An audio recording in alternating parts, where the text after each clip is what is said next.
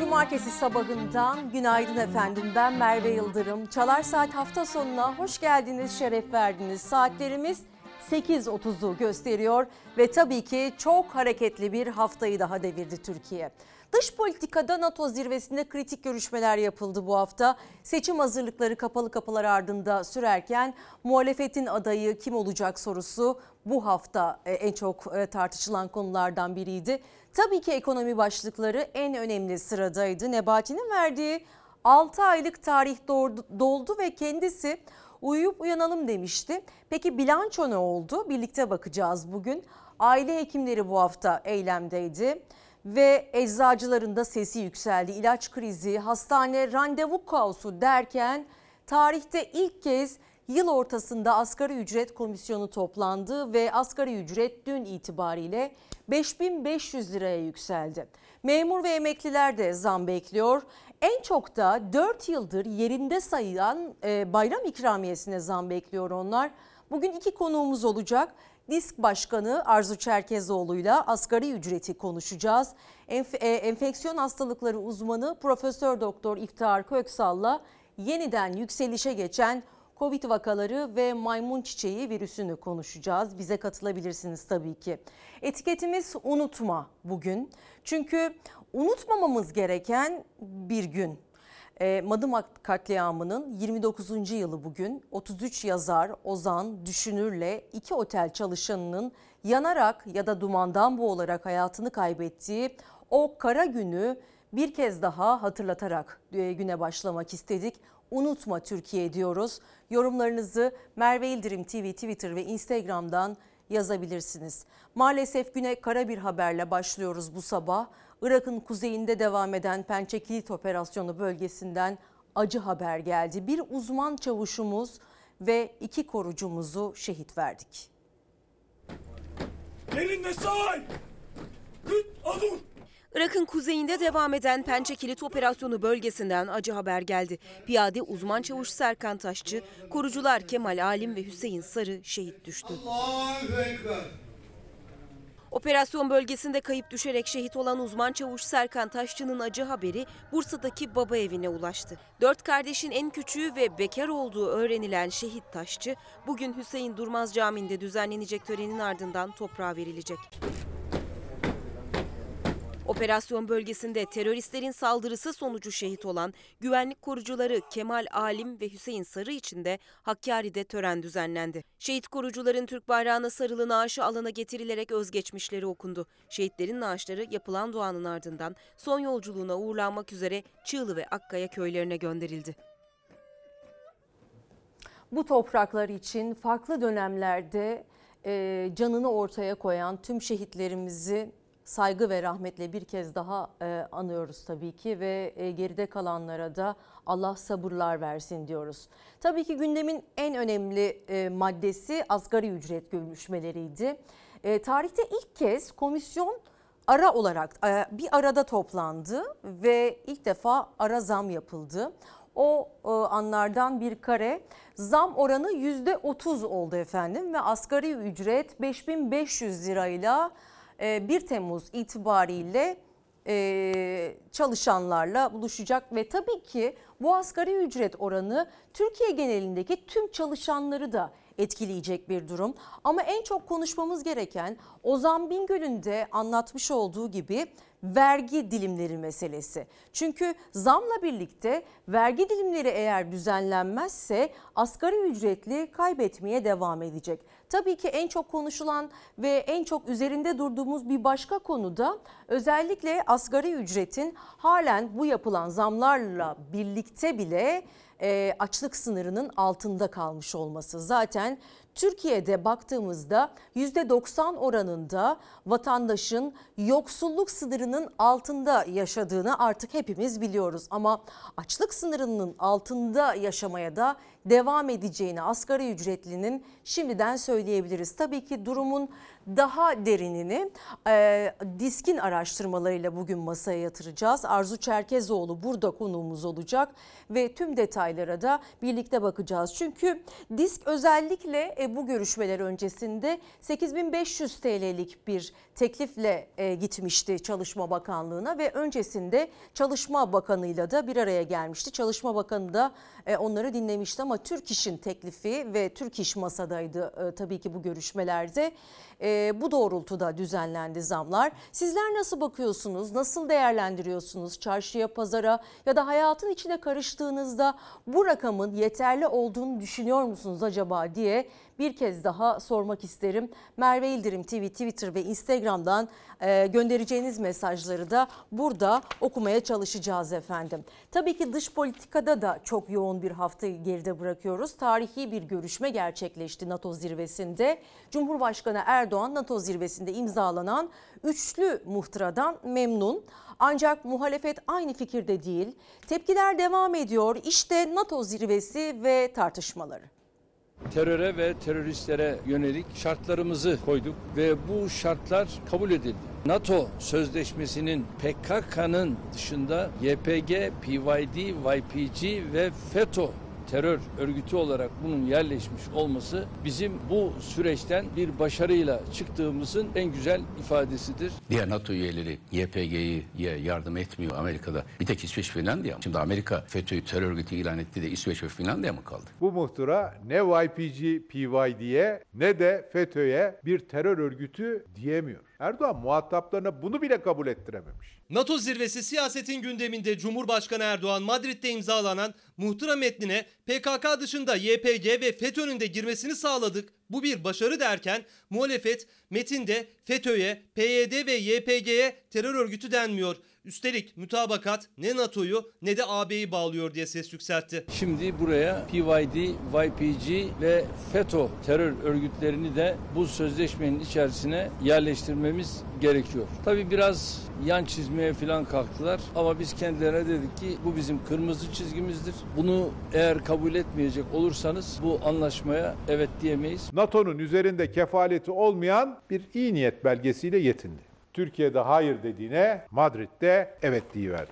Bu diplomasi değil, bu hamaset, bu Türk'ün Türkiye propagandası. İsveç ve Finlandiya'nın NATO'ya adaylığında terör örgütlerine verdiği destek Türkiye'nin veto nedeniydi. Dörtlü zirve yapıldı. O zirveden sonra üç ülke mütabakat sağladı. Tartışma da atılan imzalardan sonra alevlendi. Çünkü muhalefete göre muhtıra sadece iyi niyet belgesi. Somut adım yok. Cumhurbaşkanı Erdoğan Türkiye'ye döndü. Terör ve teröristlerle ilgili hassasiyetlerimiz yerine getirilmeli dedi. İki ülke üye olmamıştır ve bunlarınki bir üyelik davetidir. Şartları yerine getirirlerse biz de üzerimize düşen görevi yaparız. Şayet bu konuda bir oyalama veya riyakarlık emaresi görürsek en baştaki tavrımıza geri döneceğimizden kimse şüphe etmesin. Terör faaliyeti olduğu yönünde delil olmadıkça hiçbir iadeye razı olmayacağız, demokratik hakları değiştirmeyeceğiz dedi. Finlandiya Cumhurbaşkanı'nın da Türkiye'ye suçlu iadesi politikamız değişmedi. Bizim terörist olduğuna karar vermediğimiz hiç kimse iade edilmeyecek dediği söyleniyor. Bu muhtıra Türkiye ve milletimiz açısından diplomatik bir zaferdir. Cumhurbaşkanı Erdoğan Madrid'de diplomatik zafer demişti. Yeni günde verilen sözleri takip edeceğiz dedi. Teröristlerin iadesi bunların başında geliyor. İsveç'in verilmiş olan sözü şudur.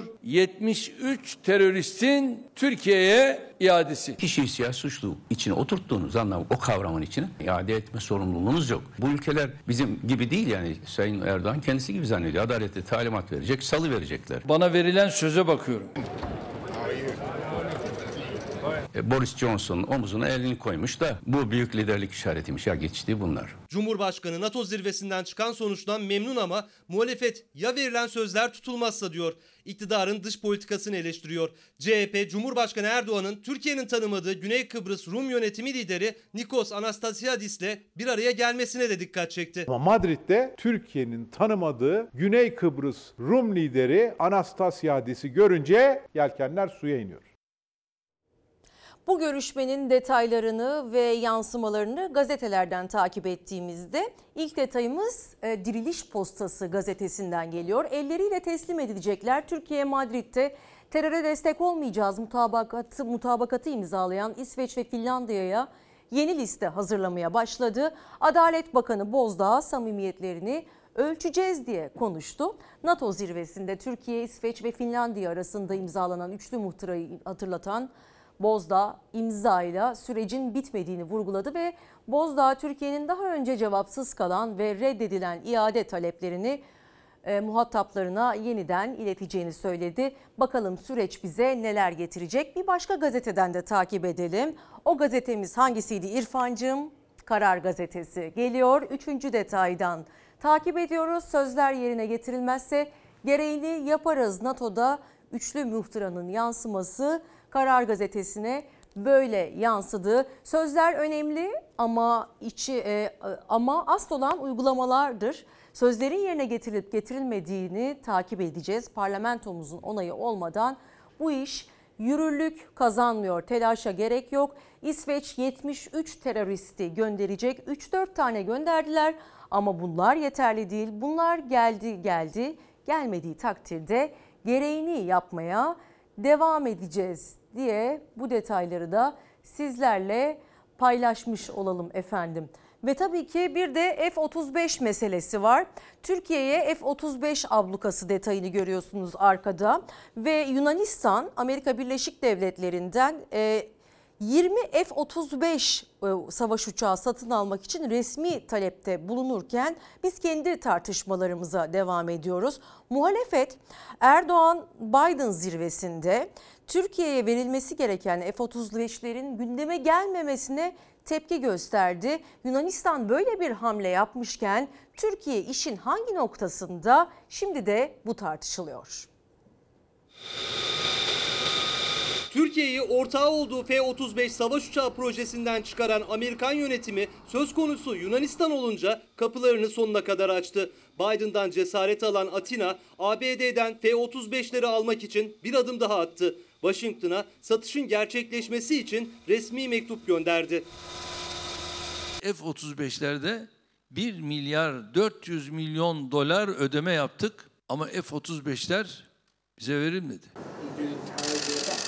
Erdoğan-Biden görüşmesinde F-35 konusunun da gündeme gelmesi bekleniyordu. Oysa iki lider bu konuda tek bir açıklama yapmadı. Zirvede Türkiye'ye F-35 yerine F-16 uçaklarının satışı konuşuldu. ABD Rusya'dan alınan S-400 hava savunma sistemlerini bahane ederek Türkiye'yi F-35 programından çıkardı. Yapımı biten 6 uçağı da kendi bünyesine aldı. Bir süre sonra tatbikat bahanesiyle Girit'e 10 adet F-35'in konuşlandırılacağı açıklandı. Arkasından da Yunanistan'ın 20 adet F-35'i ordusuna katma girişimi geldi. F-35 konusunun Madrid'deki NATO zirvesinde konuşulmamasına muhalefet tepki gösterdi. Çalar Saat programında İlker Karagöz'ün konuğu olan Gelecek Partisi sözcüsü Serkan Özcan, iktidarın tutarsızlığına dikkat çekti. Bugün F-16'ya sevinmemizi isteyen bir iktidar var. F-35'in projenin ortağı olmuşsunuz, sahibi olmuşsunuz, ciddi yatırım yapmışsınız. O para da kaldı orada. Şimdi gidip F-16'nın modernizasyonu ya da yeni satın almayı önemli bir dış politika başarısı gibi gösteriyorsunuz. NATO zirvesinin bittiği gün Yunanistan 20 adet F-35 almak için harekete geçti. Washington'a resmi talep mektubunu gönderdi. Yunanistan Başbakanı Mitsotakis, F-35'lerden ikinci bir filo satın almanın da olasılıklar içinde olduğunu söyledi. Uçakların teslimatı için 2028 yılını işaret etti. ABD Başkanı Biden zirve sırasında ittifakın doğu kanadının kuvvetlendirileceğini söyledi. Romanya'da yeni askeri güç oluşturulacağını, Polonya'da yeni karargah kurulacağını duyurdu. Bu üslere F-35'lerin konuşlandırılması konusunda somut bir cümle kurmadı. Sadece İngiltere'ye ek olarak 2 F-35 filosu göndereceklerini söylemekle yetindi. Tabii siyasetin en sıcak başlıklarından biri de e, erken seçim ve özellikle Altılı İttifak'ın adayının kim olacağına dair olan tartışmalar. Karar gazetesinden buna dair bir detay görüyoruz. Hata yapmazsak kazanamazlar diyor Davutoğlu. Davutoğlu iktidarı işaret ederek biz hata yapmazsak onlar seçim kazanamaz dedi Gelecek Partisi lideri. Madrid'de somut bir kazanım elde edilemediğini de belirtti aynı zamanda ve Erdoğan'la Biden için bir saat oturmak bile zafer değerlendirmesi yaptı. Ama şimdi bu detayların yanı sıra biz e, Gelecek Partisi Ahmet Davutoğlu'nun yapmış yapmış olduğu açıklamalardan yola çıkarak önümüzdeki günlerde Altılı Masa'nın Meral Akşener e, davetinde ve ev sahipliğinde bir araya gel- geleceğini hatırlatarak bu detaylara yer vermek istiyoruz. İşte Altılı Masa'nın toplanmasına sadece birkaç gün kala detaylar. Bence doğrusu altısından birisi de öyle. Siyaset içinden olması lazım Cumhurbaşkanı'nın. Gelecek Partisi Genel Başkanı Ahmet Davutoğlu, Millet İttifakı'nın adayı kim olacak sorusuna siyasetin içinden biri olmalı derken, aday olacak kişinin de altılı masada oturan liderlerden birinin olması gerektiğini söyledi. Sayın Davutoğlu'nun düşüncelerine saygı duyuyoruz. Millet masasında altı partinin lideri bu konuları karara bağlarlar. Oturup konuşacağız. Ben başbakanlığa adayım. İyi Parti lideri Akşener, başbakanlığa aday olduğunu açıklamıştı. Altılı Masa'da Kılıçdaroğlu'nun adaylığı çok konuşuldu. Demokrat Parti lideri Gültekin Uysal da Kılıçdaroğlu'nun adaylığına yeşil ışık yakan ilk isim olmuştu. Ben Kılıçdaroğlu'nun adaylığına sıcak bakarım. Bu masanın oluşumunda önemli katkılar sağlayan CHP Genel Başkanı Kemal Kılıçdaroğlu doğal olarak da isterse hakkıdır. Hiç kimse şundan endişe duymasın. 13. Cumhurbaşkanı Millet İttifakı'nın Cumhurbaşkanı olacak. CHP lideri renk vermiyor ama son dönemdeki çıkışlarıyla aday Kılıçdaroğlu yorumları da eksik olmuyor. Davutoğlu'nun da konuk olduğu KRT'de isim vermeden Cumhurbaşkanı adayı masadaki 6 liderden biri olmalı çıkışı dikkat çekti. Davutoğlu kendisi aday olur mu sorusuna da yanıt verdi. Bence doğrusu altısından birisi de öyle. Israrım olsa bir makamla ilgili başbakanlık gibi makamı ilkelerim gereği elimin tersiyle itip yürümezdim. İşte söylüyorum Cumhur İttifakı'nın adayı Tayyip Erdoğan. Sandığa gideceğiz. Demokratik yollarla bir dikta yönetimini tarihe gömeceğiz. Sıkıysa aday oluyor musun olmuyor musun? Önce bunu açıkla. Cumhurbaşkanı Erdoğan da CHP liderine sık sık adaylığını açıkla baskısı yapıyor ama altılı masa önce seçim tarihi açıklansın diyor. Altı lider 3 Temmuz'da Akşener'in ev sahipliğinde tekrar toplanacak. Güçlendirilmiş parlamenter sisteme geçişi ve süreci konuşuyor liderler. Kapalı kapılar ardında aday kim olacak konuşmuyoruz diyorlar ama verilen sinyallerle çember daralıyor. Kim seçilirse seçilsin bu altı liderin ortak iradesine ve süreç içinde birlikte yönetmeye hazır olması lazım. Masada adaylık için en çok da Kılıçdaroğlu'nun adı dillendirilirken Davutoğlu'nun Cumhurbaşkanı adayı altılı masadan olmalı çıkışıyla gözler bir kez daha altılı masa toplantısına çevrildi. Önümüzdeki birkaç gün altılı masada konuşulanları da tabii ki gündemimizde alacağız. Bakalım yarın altılı masadan ne çıkacak, hangi başlıklar çıkacak tabii ki takipçisiyiz. Korkusuz gazetesinden bir detay okuyalım hemen. İktidar fedakarlığı sadece dar gelirliden bekliyor. Millete 5500 lira, vekiline ise 56 bin lira manşetiyle güne başlıyor Korkusuz Gazetesi. Asgari ücret %30 artışla 4253 liradan 5500 liraya çıktı. Partiler vekil maaşı konusunda uzlaştı. Milletvekili aylığı 40 bin liradan 56 bine yükseldi. Reva mı bu diyor Korkusuz Gazetesi. En düşük emekli maaşı 3500 lira oldu. Tabii ki Türkiye Büyük Millet Meclisi'ne yasa teklifi e, sunan AKP emekliler ve muhalefet partililerin e, baskısına dayanamadı detaylarını da görüyoruz bu satırlarda. En düşük emekli aylığı 3500 liraya yükseltmek zorunda kaldı. Tabii ki 6 aylık enflasyonun e, açıklanmasının ardından da resmi şekilde bunun duyurusu da e, yapılacaktır efendim. 4 kişilik bir ailenin açlık sınırının 6391 liraya, yoksulluk sınırının ise 20.818 liraya yükseldiğini uzun zamandan beri konuşuyoruz ve aradaki gelir uçumun, uçurumunu tartışıyoruz. Milletvekili maaşlarıyla asgari ücretli arasındaki uçurumu tartışıyoruz. Ama bir yandan da geçinemediğini söyleyen milletvekillerimiz var. Hemen size bunu da e, duyurmak istiyoruz tekrar. Eminim ki duymuşsunuzdur. Elazığ Milletvekili Zülfü Demirbağ bir açıklama yapmıştı. 22 Kasım 2021 tarihinde 2 kilo et yiyorsak yarım kilo yeriz demişti. Yaşanan ekonomik sıkıntılara istinaden ve 30 Haziran'da yani sadece 2 gün önce de maaşım yetmiyor danışmanlarımdan borç alıyorum dedi Sayın Milletvekili. İşte bu haberin detaylarında başka satır araları da var.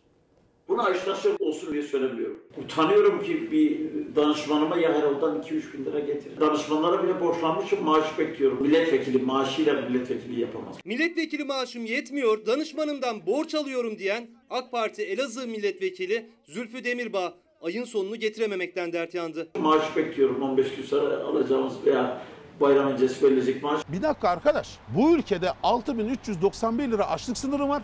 Bu ülkede çalışanların %45'i asgari ücretli, %60'ı 65'i açlık sınırının altında. İçi giden, vicdanı olan bir insan o milletvekili maaşıyla milletvekili yapamaz. Peki reisine, reis de geçinemiyoruz de. Bu halkın kaynaklarını beşli çeteye peşke çekmedi. Sayın Demirbağ utanıyorum diyorsunuz ama siz utanmıyorsunuz be. Ya en düşük emekli maaşı 2500 lira bugün. AK Parti Elazığ Milletvekili Zülfü Demirbağ bundan yaklaşık 7 ay önce gıda fiyatlarındaki artış, zamlar karşısında eriyen maaşlar, alım gücünün düşmesine karşı eti kilo yerine gramla alın. Hatta turfanda sebze, meyve sağlığa faydalı değil diyerek az tüketin tavsiyesinde bulunmuştu. Ekonomik sıkıntı çekebiliriz. Normal şartlarda ayda bir kilo iki kilo et yiyorsak yarım kilo yeriz. Domates iki tane alırız ya. Kış günü iki tane üç tane alırız. Bu turfanda olarak bu sebzeyi kullanmak zaten sağlığa da çok faydalı değil. Gerekirse yarım kilo et alın diye, turfanda sebze tüketmeyin, normal sebze tüketin diyen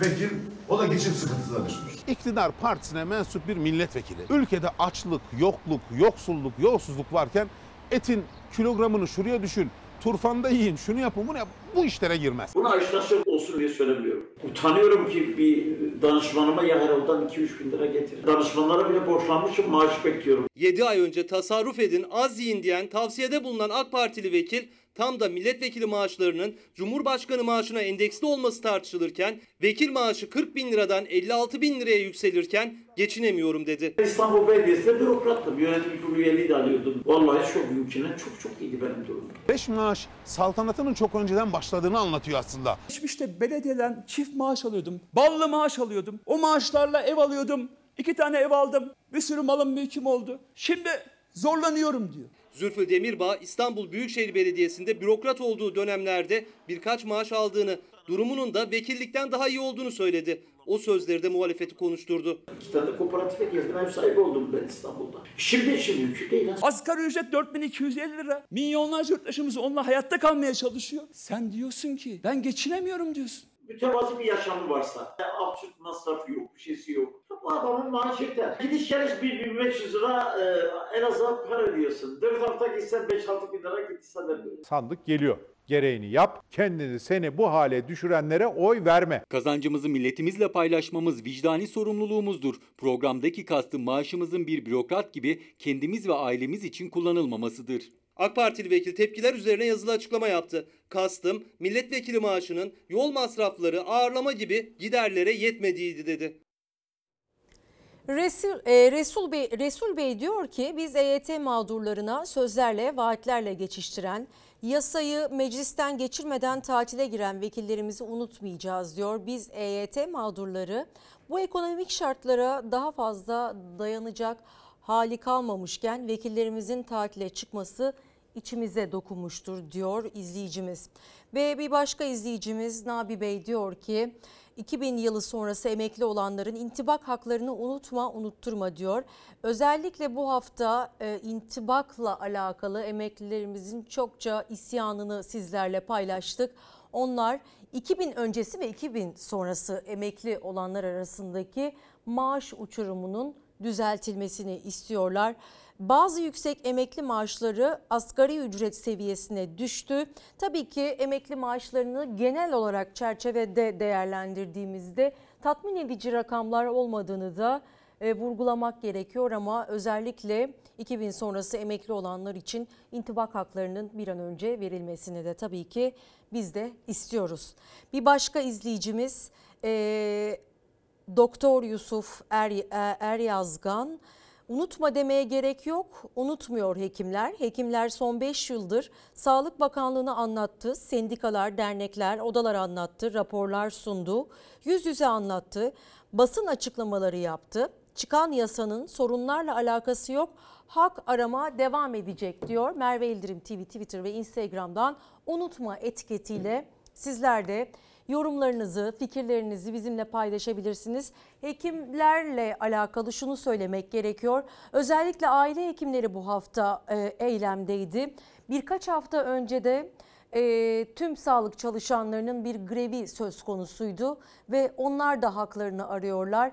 E, eczacılarımız özellikle dikkat çekici açıklamalar yaptı çünkü ilaç kriziyle alakalı sıkışmış durumdalar ve önümüzdeki zamanlarda bu durumu protesto etmek amacı, e, amacıyla çalışmaya ara verebileceklerini duyurdular ve gelen hastalarla karşı karşıya kalmak istemediklerini de vurguladılar. Ee, özellikle bazı eczanelerin camlarında görmüşsünüzdür, dikkatinizi çekmiştir. Bulamadığınız ilaçların sorumlusu eczacılar değildir yazısını ve son zamanlarda bir ilaç yazıldığında o ilacı bulamayan e, hastalar tekrar hastaneye gidip o ilacın muadilini almak durumunda kalıyor. Muadilini de bulamayınca sıkıntı daha da aşılmaz bir hal alıyor. Zaten geri ödeme kapsamında e, olan ilaçların da e, mevcut kurun altında kalmış olması insanların cebinden daha fazla ücretlerin çıkmasına sebep oluyor. Sıkıntı hakikaten çok büyük özellikle sağlık sisteminde. Yani ilacından, eczanesinden, sağlık çalışanından, doktoruna, cerrahına, hekimine, hastasına kadar e, randevu çilesine kadar ciddi anlamda düzenlenmesi gereken en önemli hakkımızdan bahsediyoruz. Bir sosyal devletin gerekliliğidir bu sağlık hakkı ve sağlıkçının hakkı. Hatta bu konuyla alakalı bir haber de paylaşalım. Aile hekimlerimizden bahsetmiştik az önce. Aile hekimleri iş bırakma eylemlerinin e, ikinci gününde de sözleşme ve ödeme yönetmeliğinin geri çekilmesi için ses yükselttiler. İstanbul'da lokma dağıtarak aile hekimliği ölüyor başımız sağ olsun dediler. Böyle dikkat çekmeye çalıştılar. İşte aile hekimlerinin yüksek sesi. Baş, başınız sağ olsun arkadaşlar. Mesela e, bizim benim şu anda sizinle e, röportaj yapmam yasak. Çünkü basına demeç vermek bizim için ceza puanı sebebi. Bizim sözleşmemizin fesi artık böyle bildiğiniz pamuk ipliğine bağlanmış durumda. Bizim iş güvencemiz şu an kesinlikle yok. Düşük nüfuslularda asgari ücrete yakın maaş alan aile hekimlerimiz var İstanbul'da. Ama kiralar yüzde yüze yakın artmalar yaşandı. Aile hekimleri iş bırakma eyleminin ikinci ve son gününde lokma dağıttı. Aile hekimliği ceza yönetmeliğiyle ölüyor. Başımız sağ olsun yazdılar elektronik panoya. Bir kez daha sözleşme ve ödeme yönetmeliğinin geri çekilmesini ve ödeneklerinin artırılmasını istediler. Basına konuşmak şu an sizle yaptığım eylem bizim ceza puan listemiz var. Oradaki en yüksek seviyeye konmuş. Evrakta sahtecilik yapmakla eşdeğer tutuluyor. Şu an size yaptığım konuşma adeta yönetmeliği üstüne ceza eklemek için yapmışlar. Aile hekimleri iş bırakma eylemlerinin ilk gününde Ankara'da bakanlık önünde Sağlık Bakanı'na seslenmişti. İkinci günse İstanbul'dan ses verdiler. Kronik hastalık takibi yapacaksınız diye bir dayatma yapıldı. Ama mevcut nüfuslarla, mevcut polikliniklerle bunu yapma imkanımız yok. Dediler ki bunu istediğimiz oranda yapmazsanız %10 maaşınızdan kesinti yaparız. Biz zaten ekonomik darboğazdayız üstüne %10 maaş kesintisiyle karşı karşıya kaldık. Dediler ki siz herhangi bir sebeple nöbete gitmezseniz sözleşmenizi feshederiz mazeretli veya mazeretsiz annesi ölse o akşam ve nöbete gidemese yine ceza puanı alıyor. Aile hekimleri ceza yönetmeliği diyor. Yönetmeliğin birinci yılında tepkilerini göstermek için lokma dağıtıyorlar. Seneyi devriyesi diyerek e, ölüm yıl dönümü olarak bizim için değerlendiriyoruz. Bir de giderlerdeki artışla karşı karşıya aile hekimleri. Ödeneğe yapılan zam %30. Giderlere gelen zam hepimiz yaşıyoruz. Marketlerde %200'ler, 300'lerin üzerine çıktı. Yüksek kiralar talep etmeye başladılar. Ama bizim ödeneklerimize bu kadar artış yapılmadığı için tabii ki bunların açık kalmasını sağlamamız gittikçe e, zorlaşmaya başladı. Sağlıkta birinci basamak aile sağlığı merkezleri. Hastanelerin yükünü hafifleten aile hekimleri hem gelirlerini hem de işlerini tehdit eden yönetmeliğin iptal edilmesini istiyor. Pandemide zaten hasta yoğunluğu arttı. İkinci, üçüncü basamakta şu anda biliyorsunuz ki randevu bulmak çok zor. E, poliklinik bütün yükünü biz sırtlanmamıza rağmen maalesef pandemide bir ödülle karşılaşacağımıza alkışlandık ve bu ceza yönetmeliği karşımıza çıktı.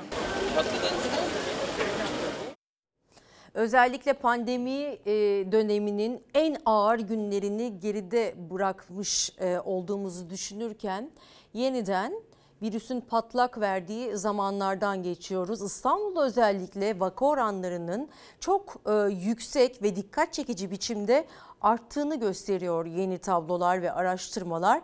Bugün özellikle bu konuyu e, konuşmak istedik. Değerli hocamız gelecek birazdan. İftihar Köksal, Profesör Doktor İftihar Köksal, enfeksiyon e, hastalıkları uzmanı bize durumun vehametini anlatacak. Bir yandan da maymun çiçeği vakasının ortaya çıktığını duyurmuştu Sağlık Bakanı ve sadece bir iki kişiyle sınırlı olmadığının da e, iddiasını paylaşmak istiyoruz sizlerle.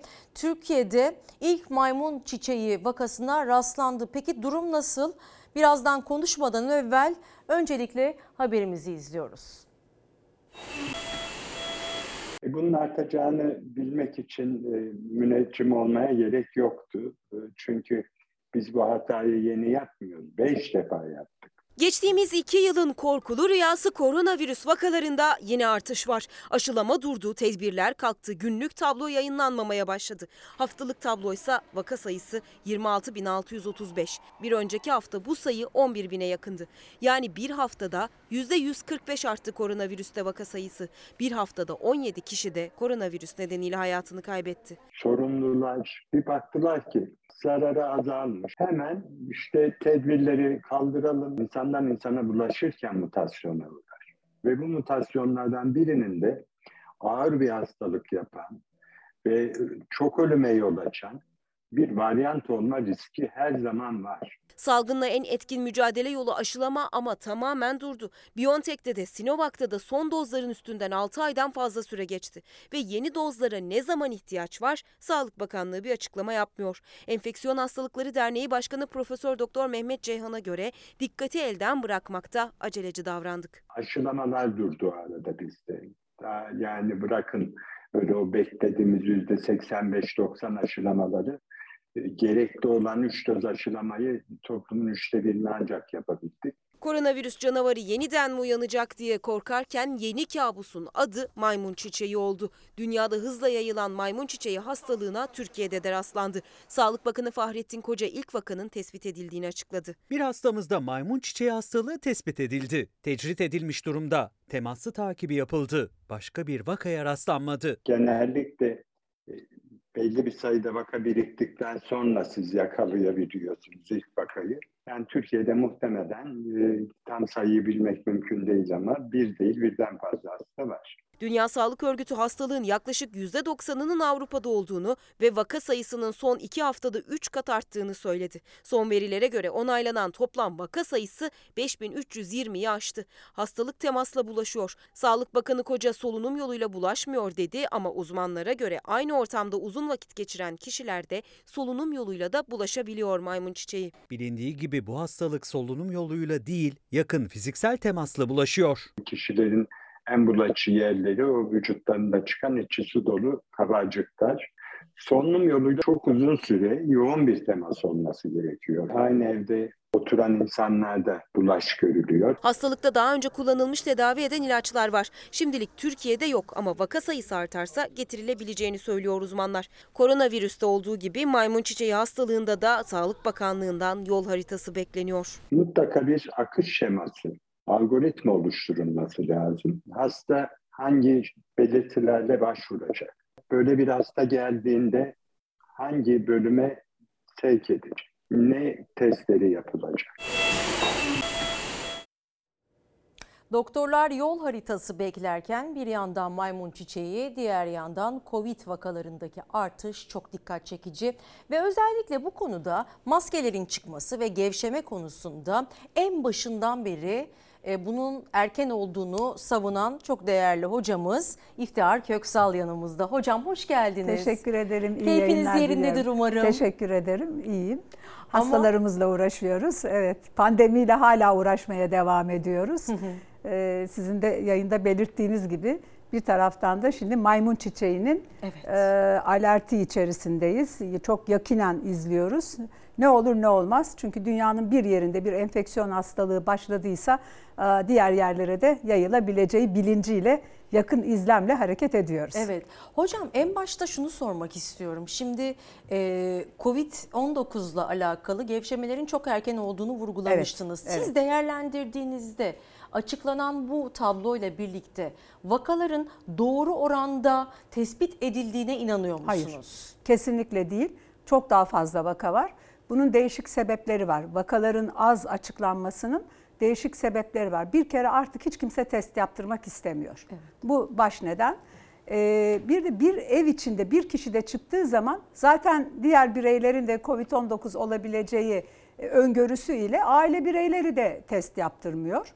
Ee, dolayısıyla bir evde sanki bir kişi varmış gibi ama ailece artık başladı yine başa döndük. Aslında başa döndük ee, ve çok ilginç gelen vakaların %60-70'i daha önce Covid geçirmiş olan kişiler. Aşı olmuşlar daha sonra ama soruyoruz son aşınızı ne zaman yaptırdınız? Bir yıl önce, altı ay önce hatırlamıyorum gibi cevaplar alıyoruz. Bu da şunu gösteriyor bize aşı ne kadar koruyucuydu. Yakın zamanda aşısını yaptırmış olanlarda hastalık görmüyoruz. Hocam bir de e, aşılama oranı da aslında e, düşüktü Türkiye genelinde Evet. baktığımızda. Evet, evet. Şimdi bir de tekrarının yapılmıyor olması. İnanın şu anda hemen hemen hiç aşıya giden yok. Ee, aşı var. Aşı istediği vakit aşıya ulaşma şansı var ama ihmal ediliyor. Neden? Çünkü öyle bir hava yaratıldı ki sanki Covid-19 artık bitti. Türkiye'nin gündeminden çıktı, dünyanın gündeminden çıktı. Değil.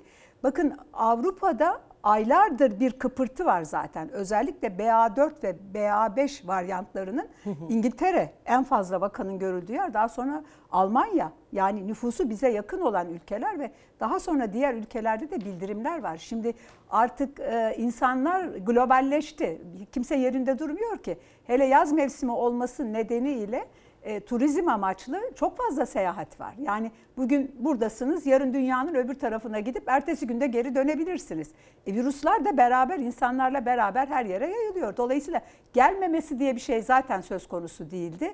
E, biraz bizim beklediğimizden de hızlı bir artış var. Açıkçası bizler bayramdan sonra hani daha yakın temas olacağı için vakalarda artış bekliyorduk ama bu şekilde olması bizi de şaşırttı. Çok fazla vaka var. Yani ama en sevindirici tarafı dün arkadaşlarla da konuştuk. Hakikaten en başta hastalığın pandeminin başında hastalar yoğun solunum yetmezliğiyle acil servisleri doldururlardı. Ve hakikaten o tomografiler çekildiği zaman akciğerler neredeyse hiç normal akciğer dokusu kalmamış tamamen e, infekte olmuş, e, hasar görmüş bir akciğerle karşılaşırdık. Şimdi öyle değil. Sevindirici olan bu. Vakaların çok büyük bir kısmı hele ki beraberinde kronik bir hastalığı yoksa daha çok üst solunum yolu enfeksiyonu şeklinde geliyor. En fazla trakeaya kadar iniyor. Yani soluk borusuna kadar iniyor. Akciğerlerin tutulduğu vaka sayısı oldukça az. Tutulursa da hafif. Hastaneye yatışlara bakıyoruz. Normal, e, genç, hiçbir sağlık problemi olmayan kişiler değil. Bunlar genellikle beraberinde bizim komorbidite dediğimiz Evet. kronik bir hastalığı olan kişiler ya da ileri yaştaki kişiler. Yani aslında kronik hastalığı olanları daha fazla etkiliyor ama bu da Kesinlikle. virüsün aslında mutasyona uğradığını gösteriyor galiba hocam değil mi? E, tabii şimdi şöyle bir şey de var. Bu özellikle bu yeni varyantlar bakın diyorum ki daha önce geçirmiş hasta tekrar infekte Evet. oluyor. Vücutta kalan antikorlar bu yeni varyantlara karşı koruyucu değil ya da kısmen koruyucu. Yani hastalığı ağır geçirmiyor ama infekte olmasını engellemiyor. Evet. Hafıza hücreleri muhtemelen devreye girdiği için hastalık e, aşağıya kadar inemiyor. Yukarıdayken hemen bizim antikorlarımız bir dakika aşağı inemezsin diye bir defansif mekanizmayla hareket ediyor. Hiç geçirmemiş olanlar ve hiç aşılanmamış olanlar için aynı şeyi söyleyemeyeceğim. Yani onlar için Evet. akciğer Risk. daha Evet. riskli bir durumda Evet. ama anladığım kadarıyla hocam şimdi bu bayram vesilesiyle insanlar bir arada olacağı için vakaların Evet. daha da artmış olarak bayram sonrası Aa, karşımızda olması an Hiç meselesi. istemediğimiz bir şey. Aslına bakarsak e, hani bardağı dolu tarafından görelim. Bayram öncesinde vakalardaki bu artış bize bir sinyal olmalı. Demek ki e, yeniden maske, yeniden sosyal mesafeyi gündeme getirmemiz gerekiyor. Özellikle de kronik Evet, rahatsızlığı evet. olanlar. Ama kronik rahatsızlığı olanlarla beraber yaşayan genç insanların da evdeki kronik hastalığı olanları korumak adına dikkatli olmaları lazım. Aslına bakarsak onlar en masum grup. Kronik hastalığı olanlar. Çünkü çok korkuyorlar hasta olmaktan. En çok dikkat evet. eden grup. Ama ev Evet. içinde maskesiz dolaşıldığı ve ev içine giren diğer bireyler dış ortamda da maskesiz oldukları için kendileri belirtisiz dahi geçirseler evdeki bu kronik hastalığı olanlara virüsü bulaştırabiliyorlar. Hocam aynı zamanda e, bir yandan da baktığımızda maymun çiçeği meselesi var sevgili izleyenler. E, maymun çiçeğinin bulaşma e, durumu e, koronadan daha farklı diyor uzmanlar. Bunu da size sormak istiyorum hocam. Maymun çiçeğinde solunum yoluyla değil temasla Evet. bulaştığına dair söylentiler var. Doğru, çok doğru. Şimdi Covid-19 biliyoruz ki solunum yoluyla bulaşan. Yani Evet. hapşırmayla, öksürmeyle e, çok e, yakın temasla çok rahat bulaşır. Hayır, e, çiçe- şey öyle değil. Maymun çiçeği hastalığında durum çok farklı. Bu e, ben Dünya Sağlık Örgütü'nün ifade ettiği tanımlamayı da yapacağım.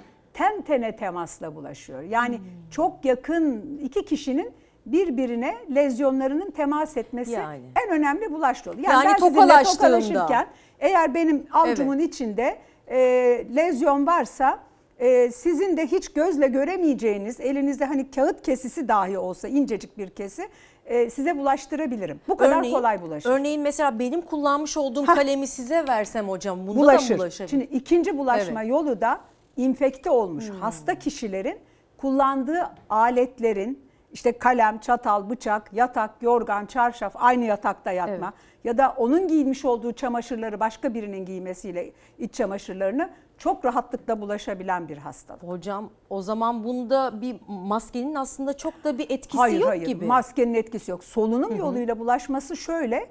Eğer çok yoğun virüs varsa kişi e, ağır hastaysa ve uzun süre onunla beraber aynı ortamda kalınıyorsa o zaman solunum yoluyla bulaşır. Maske koruyucu değil. Biz genel olarak hani e, bu hastalıklar temasla bulaşan hastalıklar ama önlem olsun diye çünkü yüzünde de lezyonlar oluyor. Maske caydırıcıdır. Biz bunu Pandeminin başından beri de söylüyoruz. Maske takmak caydırıcıdır. Kişilerin yakın temasını caydırır. O amaçla iki anlamlı koruma sağlar. Hem temas etmesini hem de ne olur ne olmaz solunum ağız içinde lezyonlar olabilir. Onlar patlamış olabilir. Ee, işte kişi e, sekresyon çıkardığı zaman yine etrafa bulaştırabilir. Bu nedenle maske koruyucu ama esas temas etmemek gerekiyor.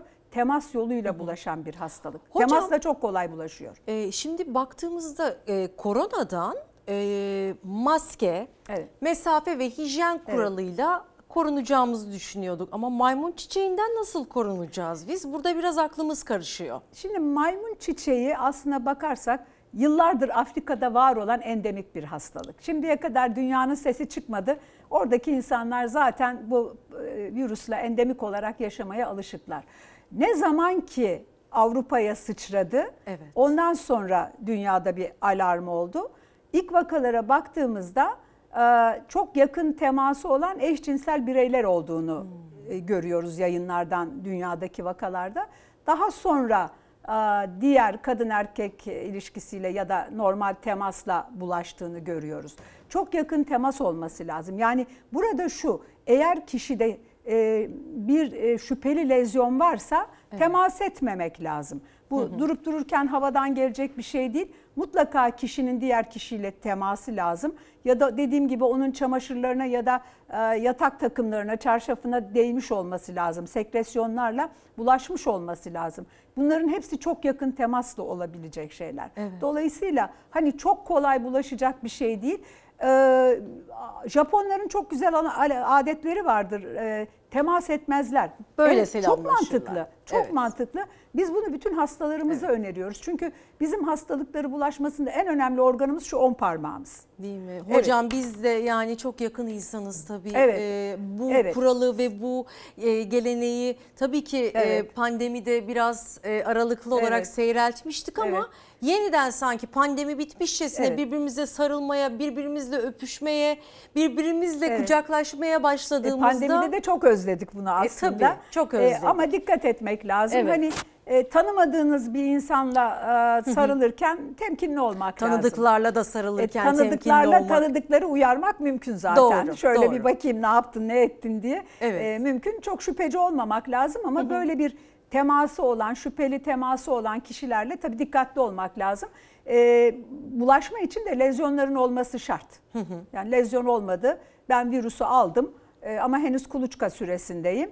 E, bulaştırmam. Yani Evet. o zaman lezyonum yok işte ama belirti verir. Yani belirtisiz de geçmesi Hocam pek nasıl mümkün belirtiler değil. veriyordu maymun Şimdi çiçeği? yaklaşık olarak 5 günle 3 hafta ama genellikle Evet. 2 hafta arasında bir kuluçka süresi var aldıktan sonra. Şöyle bütün viral hastalıklarda olduğu gibi yaygın kas eklem ağrısı ve çok yüksek ateş ilk belirtileri. Hmm. Daha sonra özellikle boyun bölgesinde lenf bezlerinde şişme Ondan sonra gene evet şuradaki Bu bölge. e, evet evet bu bölgedeki Kişi be- anlayabilir mi anlar, hocam? Anlar ve ağrılı. Hı hı. Ağrılı. Ondan sonra yüzde e, kollarda artık nereye temas ettiyse ilk oradan çıkacak döküntü başlar. Başlangıçta basit bir sivilce benzeri Hı hı. bir döküntü iken yavaş yavaş bir iki, bir iki gün içerisinde ömürleri öyle yavaş yavaş hem vücudun diğer yerlerine yayılır hem de e, onlar su toplar. Yani e, kurumuş cilt gibi bir döküntü Ee, mü? Önce öyle kırmızı döküntü şeklinde. Daha sonra deriden kabarık olmayan ama hemen kabarır. Ondan biz buna papül deriz. Hafif bir kabarıklık, sivilce benzeri. Su çiçeği gibi mi Ee, hocam? Evet, su çiçeği gibi olacak ondan sonra. Su çiçeği gibi olduktan sonra da yavaş yavaş kuruyacak. Yaklaşık 7 gün içinde e, kurumaya başlayacak. Kabuk bağlayacak ve düşecek. Bunların hepsi yaklaşık 3 haftalık bir zaman alıyor. Yani e, hastalığın e, vücuda yerleşmesi Evet. ve iyileşmesi 3 haftalık Evet, bir süreç. evet. Çok uzun Kuluçka bir süreçten bahsediyoruz. tamamlandıktan öyleyse. sonra, evet. Hocam Kısa değil. çocuklarda bulaşma oranı daha yüksek olabilir mi? Maalesef Afrika'da çocuklarda çok yaygın zaten. Dünyada da çocuk vakalar bildirilmeye başladı. Çocukların e, hastalığı geçirmesi daha ağır. Erişkinler ölümcül değil. Genellikle e, Avrupa için söyleyeyim, Avrupa Amerika için yüzde iki civarında bir ölüm Hı hı. riski ve bu vakalar da genellikle bağışıklık sistemi bozulmuş kişiler. Evet. E, ama çocuklar için durum öyle değil. Çocuklarda biraz daha riskli seyir gösterebiliyor, biraz daha ağır seyredebiliyor. Ölüm Şu oranı? anda çocuklarda çok yaygın değil. Afrika'da %17'ye kadar varan ölüm oranları var. Ciddi bir Evet. Yani çünkü hem bakım eksikliği hem e, oranın Hijyen. koşulları, hijyenik koşulları nedeniyle e, orada aile içi bulaş da çok fazla. Çünkü aynı yatakta yatıyorlar. E, çok yakın temasları var ve bilmiyorlar yani e, anlamıyorlar. E, Sağlık okur yazarlığının olmaması nedeniyle. E, ama ben dünyada biz bütün enfeksiyon hastalıkları uzmanları e, bu maymun çiçeği virüsü hastalığının COVID-19 gibi bir salgına dönüşme ihtimalinin olmadığını biliyoruz. E, çünkü bulaşma yolu çok net biliniyor ve korunmak çok daha kolay. Evet. E, korunma derken şunu da ifade edeyim. Daha önce e, çiçek hastalığını, e, çiçek aşısını yaptırmış olanlar Ah, bizim jenerasyon e, biz Evet. çok rahatız. Çünkü Hocam hangi jenerasyon oluyoruz? Şimdi e, kaç yıl sonrasında? 1975 yılından sonra aşı kaldırıldı. Ee, ondan sonra o, evet. Bende yok hocam aşı. Çiçek evet, aşısı yok. da ortaya çıkıyor böylece. Ee, evet bizler korunuyoruz. %85-86 oranında korunma sağlıyor. Bu bakımdan şanslıyız. Çiçek aşısı olup kurtulabilir mi acaba bireyler? E, çiçek aşısı olanlar zaten geçirmiyorlar. Şimdi tekrardan Ha, yeniden Şimdi olsa. ona geleyim. Ee, aslına bakarsanız e, biraz bunu içim acıyarak söylüyorum. Dünyada ilk çiçek aşısı Ankara suşuna karşı elde edildi. Ama biz aşımıza sahip çıkamadık. Ee, Pasteur Enstitüsü'ne verdik. Ee, çiçek aşısı üretildi. Şimdi Amerika'da Allah'tan stoklanmış e, aşı suçları stoklu. E, Amerika'da üretiliyor aslında aşı ve e, risk gruplarına işte askeri birlikleri özellikle Afrika'da konuşlandırılan askerlere yapılan rutin halka yapılmayan bir aşıydı ama şu anda Dünya Sağlık Örgütü de Amerika Hastalık Kontrol Merkezi de hastalığın bu yayılım hızına bağlı olarak e, yeniden aşıyı gündeme getirdi. Aşı üretimi hızlanacak. E, eğer bu salgın ki orada da bir parantez açarak araya bir ekleme yapayım. E, virüs bir pox virüs ve bir DNA virüsü. Yine bu da COVID-19'dan farklılık göstermekte ve çok ağır büyük bir virüs. Bu büyük virüslerin ve DNA virüslerinin mutasyona uğrama ihtimali çok zayıftır. Evet. Fakat önce yoktur dendi ama şimdi bir iki mutasyon olduğu şüphesi üzerinde durulmakta. Çünkü bu kadar hızlı yayılması virüsün bulaşmasının kolaylaştığının bir delili. Bu da ancak bir mutasyonla meydana gelebilir. İşte bundan yola çıkarak Dünya Sağlık Örgütü ve Amerika Hastalık Kontrol Merkezi aşı çalışmalarına biraz ağırlık verdi. Hı hı. Eğer vakalar artarak devam eder ve belirli risk grubunun dışında sağlıklı popülasyona da yayılma eğilimi gösterirse evet. o zaman evet 75 sonraki jenerasyonun aşılanması için tekrar gündeme gelebilir. Zaten infekte olan popülasyona ve hastalık belirtileri olan popülasyona baktığımızda genç kişiler. Hı hı. 75 yılından Çocuklar. sonra doğmuş kişiler. Evet. E, erişkinler. E, çocukları artık diyecek bir şey yok. Onlar da ebeveynlerinden ya da birlikte yaşadıkları kişilerden virüs alıyorlar. Hocam e, şimdi e, Covid'e tekrar döndüğümüzde e, bu Şimdi maskeleri kullan, evet. kullandık uzun süre. Yani neredeyse iki buçuk yıla yakın bir süre evet. e, maske kullandık ve e, kafada aslında bazen vatandaşların kafasında, insanların kafasında bu maskeleri takmak bize başka zararlar getirdi mi fikri var. Sizce bu mümkün müdür? Hayır. Maske hiçbir zarar getirmez. Çünkü maskenin por dediğimiz delikleri e, soluk alıp vermeyi engelleyecek şekilde değil hı hı. virüsün girmesini engelleyecek büyüklükte yapılır. Yani maske bir bez parçası değildir. Maske e, aralıklı e, şeyleri bizim nefes alıp verirken elimizi yaklaştırdığımızda sıcaklığı hissederiz. Evet. Bu e, nefes alıp verirken solunumun engellenmeyeceği şekilde ama o küçük deliklerden e, hapşıran, evet. öksüren kişinin partiküllerini geçirmeyecek kadar e, küçük aralıkları olan malzemelerden hazırlanır. Evet. Dolayısıyla bunlar insan sağlığı için de kullanıma sunulmadan önce test edilirler. Hı hı. Onun için hiçbir yan etkisi yoktur. Hiçbir e, reaksiyon yapma ya da bize zarar verme özelliği de yoktur. E zaten olsaydı bunca yıldır cerrahlar, tabii, hekimler tabii, maske Hepimiz, kullanmazlardı. Tabii, ben, ve... ben 40 yıllık hekimim o zaman hiçbir akciğerle ilgili sağlık sorunum yok. Doğru. Hiçbir şey sigara kadar zararlı değil onu belirteyim. Hı hı. Onun için e, bunu bir savunma mekanizması olarak evet. görmesinler. Maske bizi birçok hastalıktan korur. Bakın biz pandemi boyunca hı hı. hiç grip görmedik biliyor musunuz? Evet. Bunu maskeye borçluyuz. Çünkü Türkiye'de Covid-19 gelene kadar maske takma alışkanlığı hiç yoktu. Ben hiçbir grip hastasının maske taktığını hatırlamıyorum. Ben Takmaz. Hatırlıyor musunuz? Evet, Yok. Hiç. Yani domuz gribi zamanı böyle tek tük işte takanlar kışın vardı ama. toplu taşıma binersiniz, evet. bir yere gidersiniz. Herkes hapşırır, tıksırır. Ee, işte ya eliyle ya mendiliyle ağzını kapatır ama kimse evet. maske takmaz. Herkes de enfekte olur değil mi? Ama maske ne zaman hayatımıza girdi? Biz e, kış mevsiminde ne grip ne nezle görmüyoruz. Doğru. Bunu maskeye borçluyuz. Hocam reklama gitmeden hızlıca şunu da sormak istiyorum. Tabii ki aşı karşıtları vardı ama özellikle gözlemlediğim bir şey var ki e, ikinci aşıyı olmama konusunda kararlı olan vatandaşlar var. Bunu e, bu noktaya nasıl geldiklerini de şu fikirle ortada savunuyorlar. Başka hastalıkları tetiklediğine inanıyorum diyor bazı e, insanlar. Buna ne düşünüyorsunuz? Hiçbir şey, hiçbir e, yan etki Covid-19'un vücuda verdiği zarar kadar olamaz. Şunu söyleyeyim.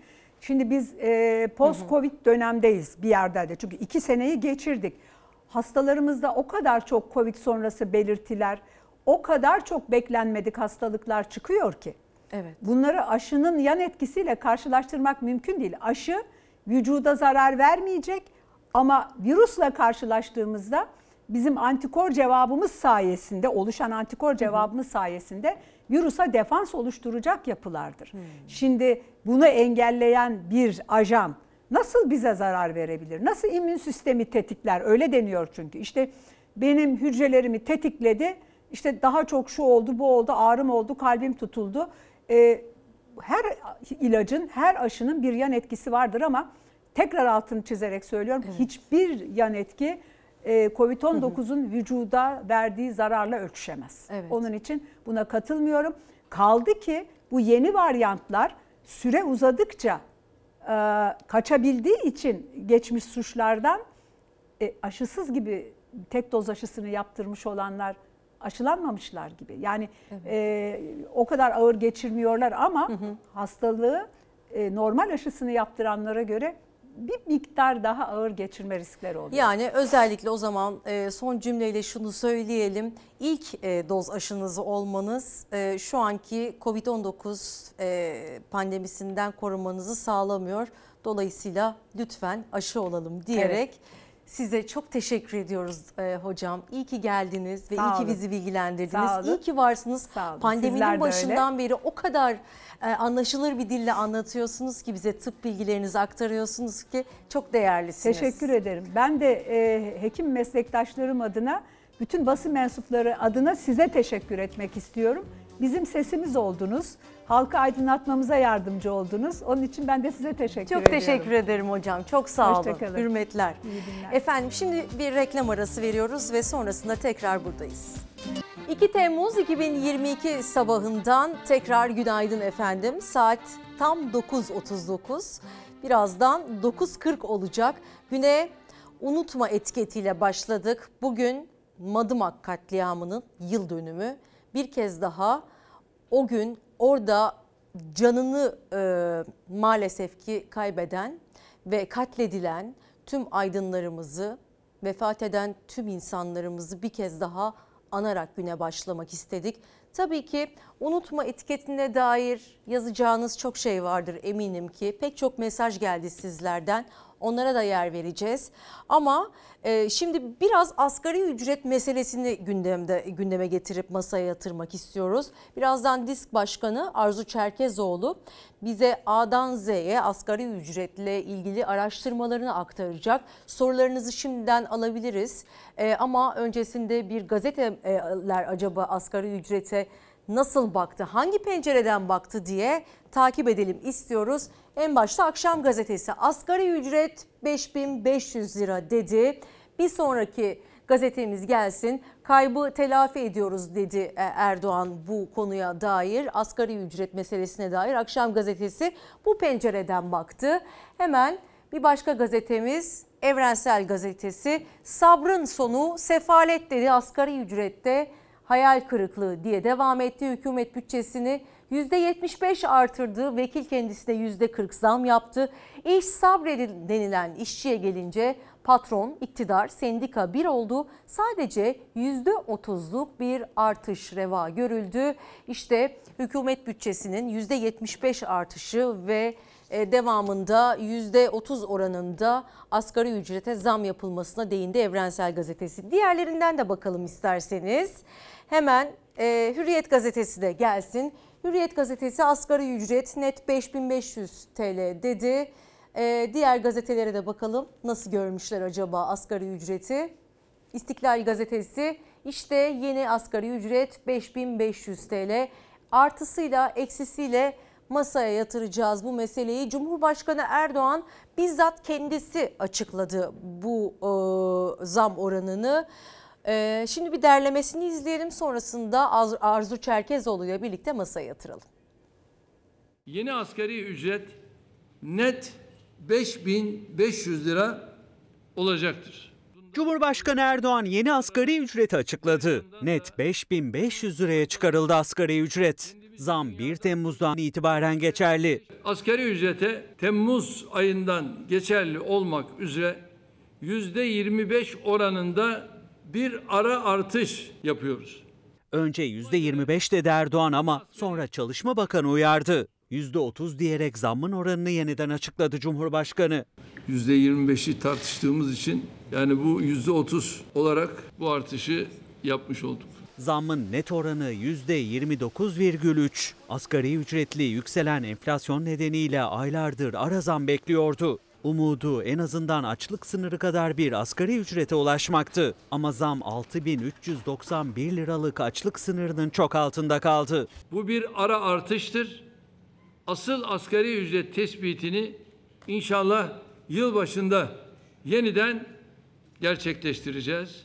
Tüm çalışanların ücretlerinin asgari ücret kadar olan kısımlarından vergi alınmaması uygulaması aynen devam ediyor. Bunun anlamı şu, bütün kamu çalışanları da e, aşağı yukarı ortalaması 300-350 lira civarında buradan bir e, gelir elde edeceklerdir. Maaşların asgari ücret kadarından vergi alınmamaya devam edecek. Cumhurbaşkanı Erdoğan, işçi ve işveren sendikalarının temsilcileriyle birlikte geçti kameraların karşısına. Türkiye çalışanlarının emeğiyle büyüyor sloganıyla. 5500 liralık yeni asgari ücret açıklandıktan sonra kameralar bu kez Erdoğan'la Türk İş Başkanı Ergün Atalay arasındaki diyalogları kaydetti.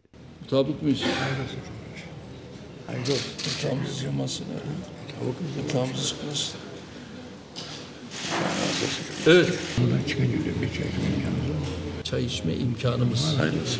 Asgari ücret masasındaki sendikadan çay teklifi geldi Erdoğan'a. O masada bulunmayan disk ise belirlenen asgari ücreti düşük buldu. Belirlenen bu rakam olması gerekenin ve beklentilerin çok çok altında. 5500 lira rakamı 4 kişilik bir ailenin sadece gıda harcaması olan açlık sınırının bile altındadır. Milyonlarca işçinin bu asgari ücretle yılın sonuna kadar hayatını sürdürebilmesi mümkün değildir. Özellikle artan gıda enflasyonu nedeniyle maaşı eridi asgari ücretlinin. TÜİK'e göre enflasyon %73,5, gıda enflasyonu ise %91. Pazartesi günü Haziran enflasyonunun açıklanmasıyla memurun emeklinin maaş artışı da belli olacak. Öncesinde kritik veri İstanbul Ticaret Odası'ndan geldi. Bugün bu domatesin kilosu olmuş 12 lira 13 lira. Yazın 2 lira 2,5 liraya yiyorduk. E, enflasyon kendini gösteriyor. Sadece tüketicilere göre değil, açıklanan verilere göre de enflasyon inanılmaz bir artış gösteriyor. İstanbul Ticaret Odası'na göre İstanbul'un enflasyonu %94,19'la 24 yılın zirvesinde. Markette haftadan haftaya hatta gün gün fiyatlar değişiyor. Tüketiciler 4 lirayı bile fazla bulurken simide İstanbul'da zam haberi geldi. 100 gramlık simit %25 artışla 5 lira olacak artık. Dört de fazlaydı. Çok fazla. Bu ülkede simitle e, karnı doyuran çok insan var. Kira zorluyor, gıda zorluyor. Hepsi, hepsi. Kiradan gıdaya asgari ücretli zorlanmaya devam edecek. Çünkü ailedeki iki asgari ücret bile zamlı haliyle yoksulluk sınırının neredeyse yarısı kadar. Pazara giden insanlar 2 kilo 3 kilo alacağını 3-4 tane alıyor. Yeni asgari ücretin tüm çalışanlarımıza hayırlı olmasını diliyorum. 5500 lira olduğu asgari ücret 1 Temmuz itibariyle geçerli olmak kaydıyla tabii ki hem toplumdan hem vatandaştan hem muhalefetten hem de çeşitli sendikalardan bu konuya dair tepkiler var. Çünkü yoksulluk sınırının altında e, yaşamaya mahkum edilen, yoksulluk sınırının da geçin açlık sınırının altında yaşamaya mahkum edilen bir halktan bahsediyoruz. E, Disk Başkanı Arzu Çerkezoğlu bugün yayın konuğumuz. Hoş geldiniz Arzu Hanım. Hoş bulduk Çok Merve şıksınız Hanım. yine her zaman olduğu ederim. gibi. Öyle. E, uzun zamandan beri asgari ücret konusunu tabii ki tartışıyoruz, konuşuyoruz ama e, bugün söyleyeceğiniz başka e, cümlelerde olduğunu düşünüyorum. En başta nasıl değerlendiriyorsunuz bu yeni rakamı? Evet asgari ücreti tabii her dönem konuşuyoruz Merve Hanım söylediğiniz gibi. Çünkü asgari ücreti konuşurken biz sembolik bir ücreti konuşmuyoruz.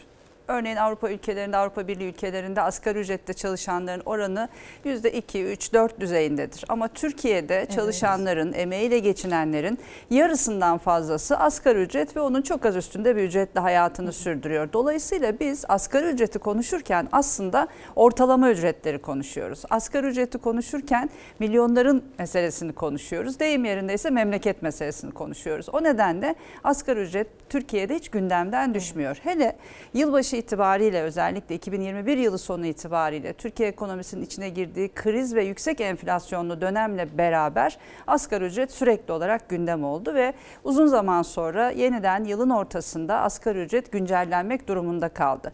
E, Çok eskiye gitmeyeceğim. 6 ay öncesine gidelim. Aralık ayında e, biz bütün Türkiye'de geçinmek istiyoruz. Gelirde adalet, vergide adalet, insanca yaşayacak bir asgari ücret talebiyle iş yerlerinden alanlara, meydanlara kadar bir mücadele yürütüyorduk. O dönem ülkeyi yöneten siyasi iktidar, Cumhurbaşkanı, Maliye Bakanı diyorlardı ki 6 ay dişinizi sıkın, 6 ay sabredin. 6 ay sonra her şey çok güzel olacak. Enflasyon da e, daha da düşecek, dolar kuru düşecek. Hatta Maliye Bakanı hatırlar hatırlarsınız demiştik ki gözümüzü kapatsak açsak 6 ay sonrasına gitsek bakın ne kadar Sayın güzel bir. Türkiye olacak Ama diye. e, Evet. pazartesi günü itibariyle uyanma zamanıydı. Evet ve 6 ay geçti hatta 6,5 ay geçti. Şimdi biz o 6 ay öncesini bile mumla arıyoruz. O 6 ay önce Aralık ayında Türkiye'de enflasyon %21'di. Şu an Mayıs ayı enflasyonu TÜİK'in perdelenmiş, verileri karartılmış rakamlarıyla bile %73,5.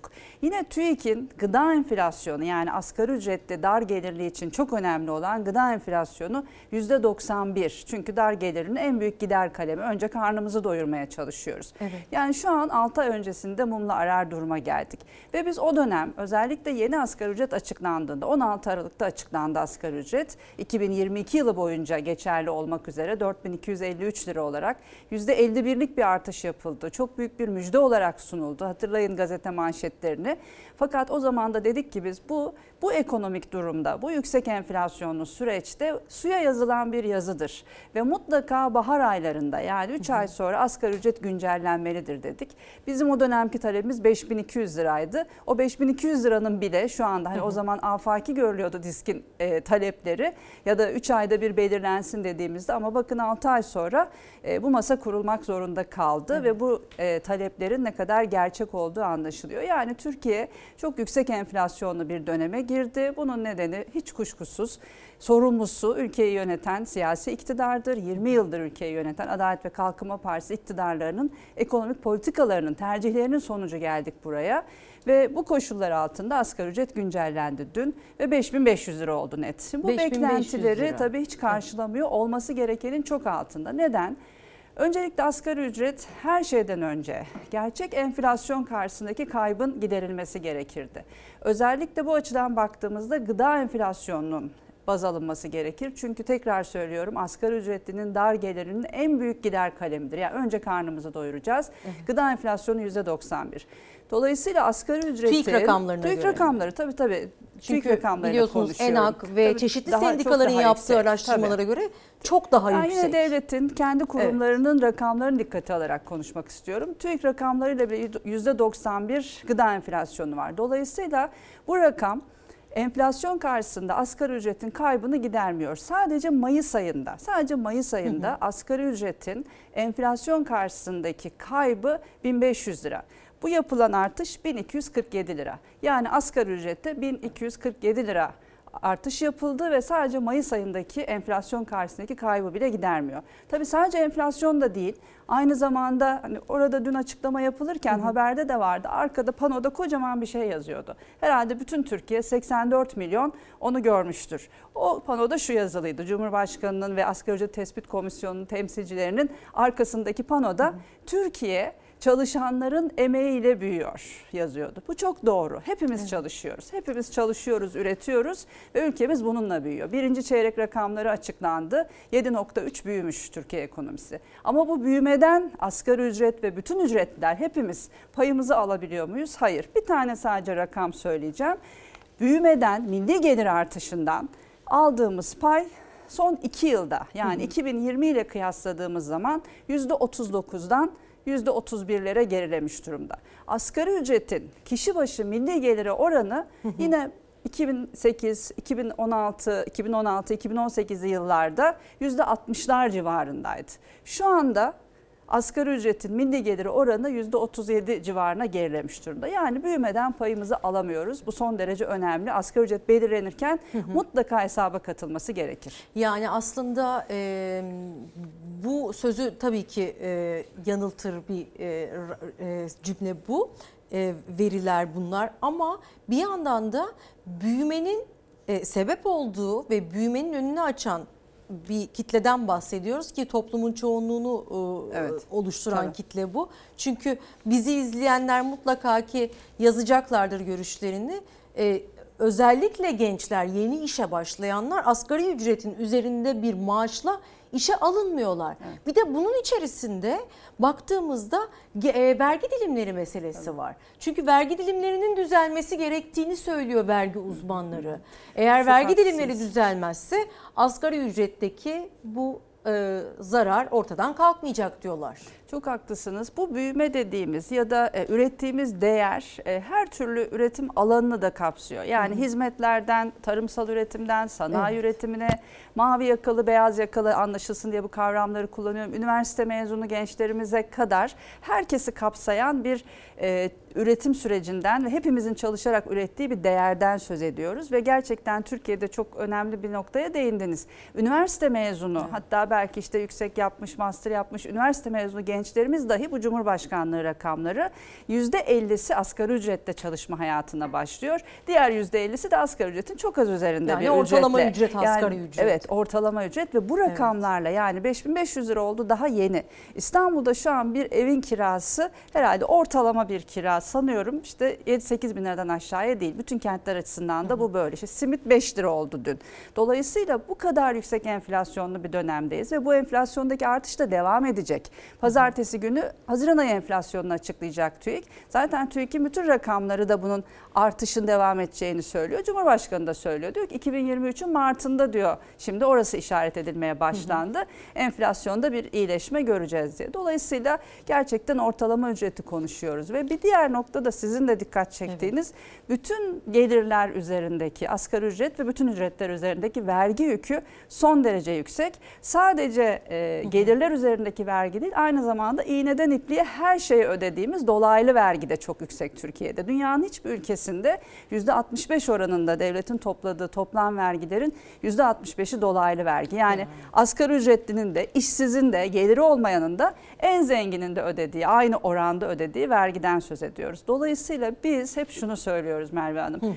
Vergide adalet olmadan gelirde adalet olmaz. Ama en büyük gelir kalemi vergi olan bir e, Evet. ülkeden bahsediyoruz. Burası Türkiye ve en çok e, vergiden maalesef kazanıyor. Özellikle bu süreçte yani bu kadar yüksek enflasyonun olduğu dönemlerde e, ücretler üzerindeki vergi yükünün her zaman azaltılması gerektiğini ifade ediyoruz. Asgari ücretin vergi dışı bırakılması temel talebimizdi. Yılbaşında bu konuda bir adım atıldı. Asgari ücret ve bütün ücretlerin asgari ücret kadarı vergi dışı bu uygulama devam edecek ama bu kadar yüksek enflasyonlu olan dönemlerde asgari ücretin iki katına kadar olan bölümden vergi alınmasın diyoruz biz. Gerçekten e, vergi yükünü biraz azaltmak açısından. İkincisi de asgari ücret sonrası ilk vergi dilimi de %10'a düşürülsün ve vergi dilimleri belirlenirken asgari ücret artış oranı esas alınsın.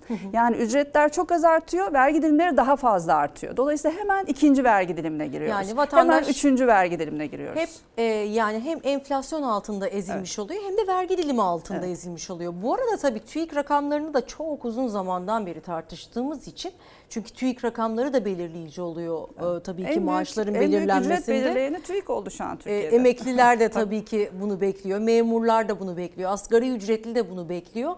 Ve e, TÜİK rakamlarını tartışırken bir yandan da bu rakamların gerçeği yansıtmadığına dair önemli e, ses yükselten sendikalar var. Onlardan biri de DİSK. Onların da eylemi var ama Kamu Emekçileri Sendikası üyeleri maaşlarına yansıyacak zam farkını belirleyecek olan Haziran ayı enflasyonu açıklanmadan önce ilk olarak TÜİK'in kapısına gitti. Açıklama yapmak istediler ama polis sendika üyelerini TÜİK önüne yaklaşmadı. Şimdi o anları izleyelim sonra Arzu Hanım'la tekrar konuşmaya devam edeceğiz.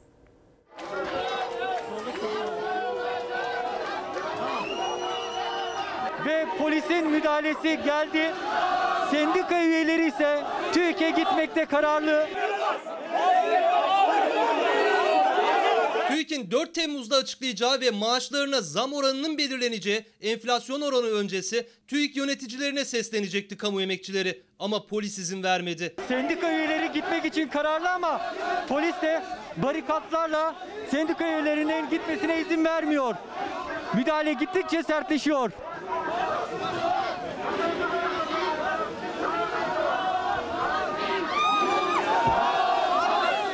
Memurlara, emeklilere verilecek enflasyon farkı TÜİK rakamlarına göre belirleniyor. Kamu Emekçileri Sendikası ise Haziran enflasyonunu açıklamadan önce TÜİK'in kapısında açıklama yapmak istedi. Enflasyon rakamları gerçeğe yansıtmıyor diye. yanlış enflasyon rakamlarına karşı alamadığımız maaş zamlarını itiraz ederek toplu olarak ses getirmeye geldik. Enflasyon farklarımız TÜİK'in yaptığı açıklamalara göre ödemeleri yapılacak. Yani halk %150, %200 enflasyon yaşarken siz %70'lerde enflasyonu açıklarsanız maaşlara yansıması da çok çok düşük kalır. Markete giriyorsunuz 300 liraya aldığınız şeyler şimdi 700-800 liraya alınabiliyor ancak. E bu durumda enflasyon yani %160-170 seviyesinde. TÜİK bürokratlarını uyarmak için TÜİK'in önünde olacağız. Kamu çalışanları kendi yaşadığımız enflasyon TÜİK'in açıkladığı rakamın kat be kat üstünde derken daha önce TÜİK'te görev alan İsmet Temel de hesap yöntemiyle rakamın düşük tutulduğunu söyledi. 10 yıl kadar enflasyon rakamlarını hesaplayan şubenin müdürüydüm. Sonra görevden alındım. Geçmişte sebze meyvelerin farklı ağırlıkları vardı. Bu ağırlıkları kaldırıp tek ağırlığa indirdi.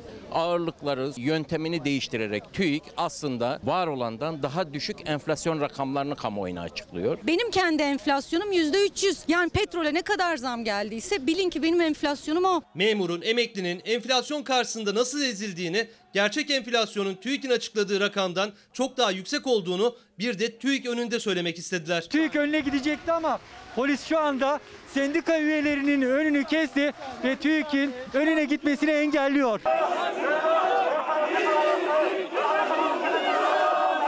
TÜİK önüne yaklaşık 500 metre mesafeye kadar gelebildi sendika üyeleri ve polis şu anda barikatlarla önlerini kesmiş durumda. Sendika üyelerini geriye doğru itiyorlar.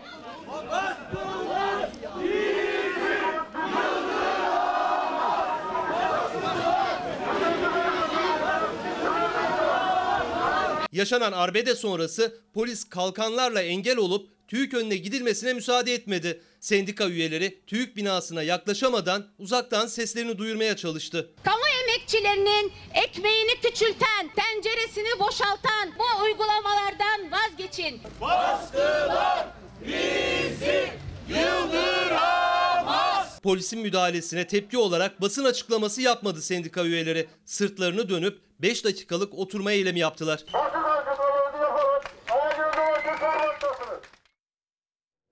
KESK TÜİK'ten içeri alınmadı. Disk alınacak mı?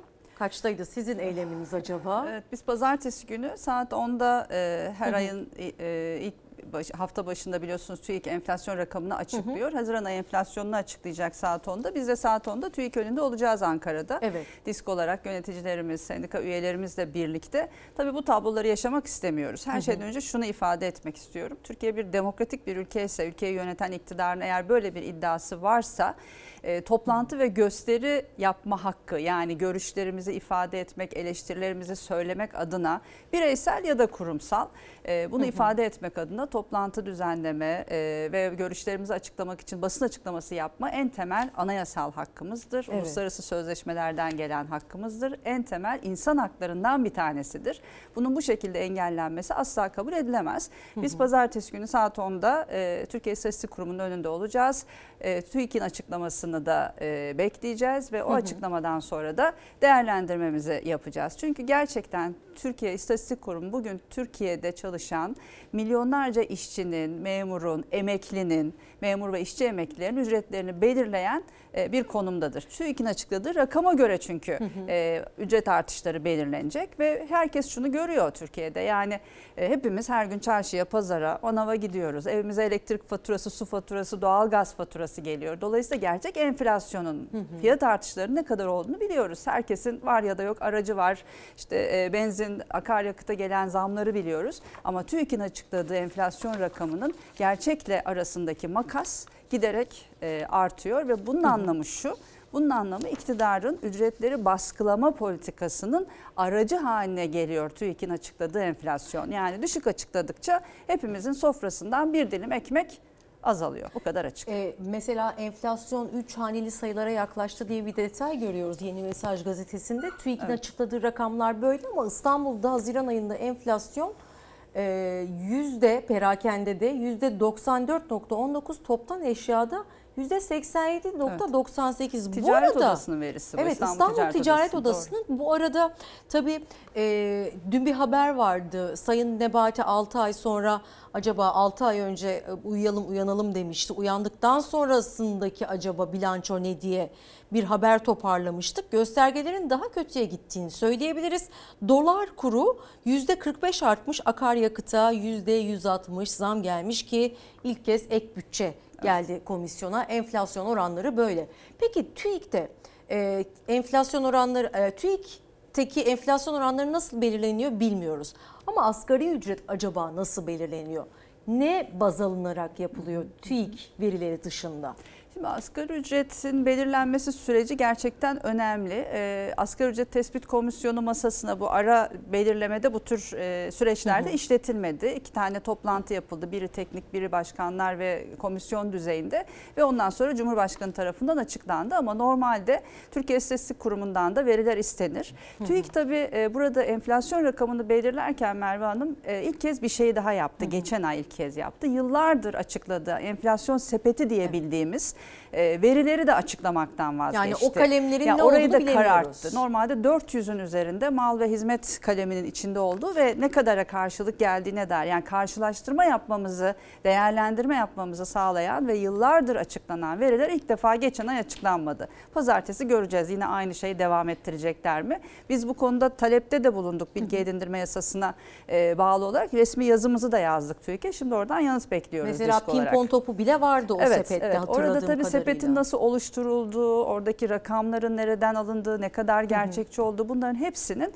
değerlendirilmesi gerekir. TÜİK açıkça e, verileri karartıyor, rakamları perdeliyor ve böylelikle iktidarın ücretleri sürekli olarak baskılama, aşağıya doğru çekme politikasının aracı haline gelmiş durumda. TÜİK gerçekleri açıklamadıkça bizim ekmeğimiz küçülüyor. Soframızdaki e, dediğim gibi zeytinin bir tanesi eksilmiş oluyor. Şimdi böyle bir tabloyu yaşıyoruz. Asgari ücretin tabii belirlenmesi gerçekten çok önemli. En başta konuştuğumuz gibi asgari ücret bir ortalama ücret. Evet. Dolayısıyla asgari ücretin bu şekilde yani sadece bir masa başı pazarlığıyla 15 kişiden oluşuyor tespit komisyonu.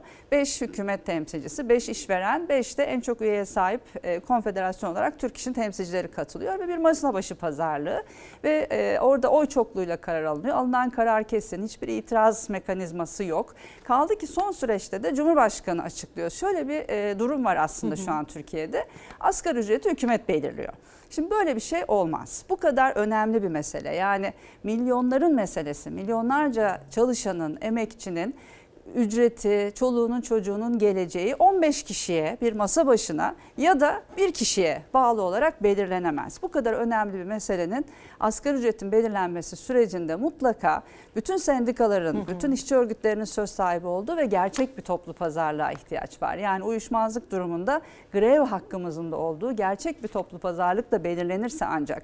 Yani ben buradan biz disk olarak o masada değiliz. Ama ona rağmen asgari ücretle ilgili rapor açıklıyoruz, bilimsel temellerini söylüyoruz. Asgari ücret rakamımızın, talebimizin bununla ilgili mitingler yapıyoruz. İş yerlerinde toplantılar, eylemler, etkinlikler yani bu pazarlığı bir masa başı pazarlığı olmaktan çıkartmaya çalışıyoruz ve bunun mücadelesini veriyoruz disk olarak. Herkesi de ben buradan Örgütlü örgütsüz, sendikalı sendikasız tabii ki herkesi sendikalı olmaya, emeğine sahip çıkmaya çağırıyoruz ama bu asgari ücret sürecine lütfen seyirci kalmayalım. Yani yeni mezun, üniversite mezunu bir mimar mühendis genç e, arkadaşım evladıma da söyle, evladımıza da söylüyorum bunu. Fabrikada yeni işbaşı yapmış bir genç arkadaşıma da söylüyorum. Yıllardır çalışan, belki emekline 3-5 ay kalmış arkadaşımıza da söylüyorum. Yani herkes, hepimiz, siz, ben, burada kameranın arkasındaki arkadaşım, bizi dinleyen e, milyonlarca insan herkese söylüyorum.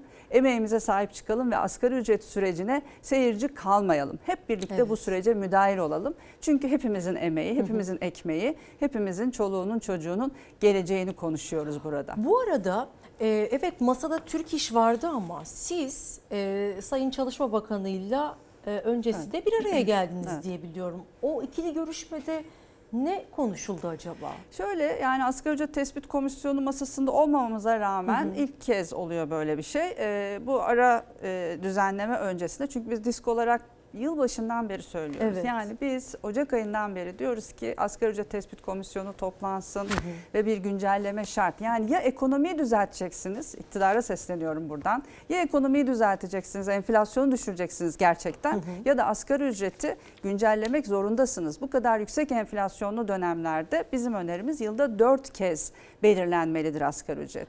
Bunun mücadelesini e, uzun zamandır meclis açıldığından beri e, yürütüyoruz. Bu çerçevede Sayın Çalışma Bakanı e, toplantı öncesinde bizi de davet etti. Hı hı. Bir saate yakın bir görüşme yaptık. Asgari ücretle ilgili şu an burada anlattıklarımı, iş yerlerinde e, açıklamalarımızda ifade ettiklerimizi hem yazılı hem sözlü kendisiyle de paylaştık. Şimdi siz Yaşadığımız sorunları da söylemişsinizdir konuştuk. de Arzu Hanım acaba Sayın Bakan ne cevap verdi? Bizim için o önemli olan. Şöyle e, yani sonuçta Sayın Bakan'la yaptığımız görüşmede biz önerilerimizi anlattık. Kendisi de e, dinledi ve sonuç olarak asgari ücret konusunda asıl karar verici olan işte komisyonda bunları görüşeceğiz biçimindeydi yaklaşımları.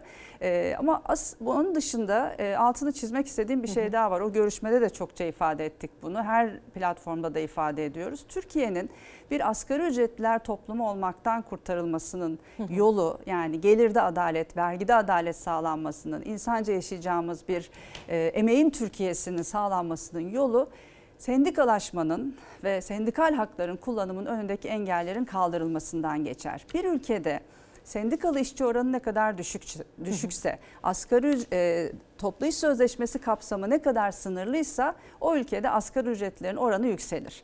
Dolayısıyla bütün mesele işçilerin sendikalı olabilmesi, toplumun örgütlü olabilmesidir. Bugün Türkiye'de her şey işçilerin sendikalaşmasının önünde engeldir. Yasalar, mevzuat, bakın örgütlendiğimiz her yerde ister özel sektör ister kamu olsun.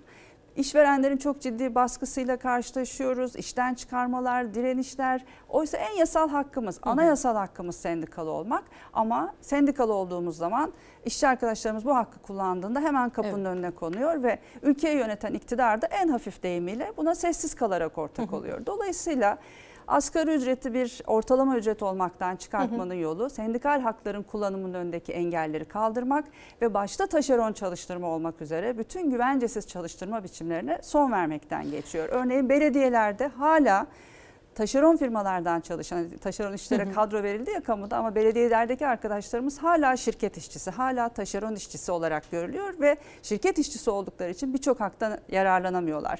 Yine birçok kamu kurumunda hastaneler başta olmak üzere hala görüntüleme, radyoloji, laboratuvarlarda hala taşeron çalıştırma Evet. devam ediyor.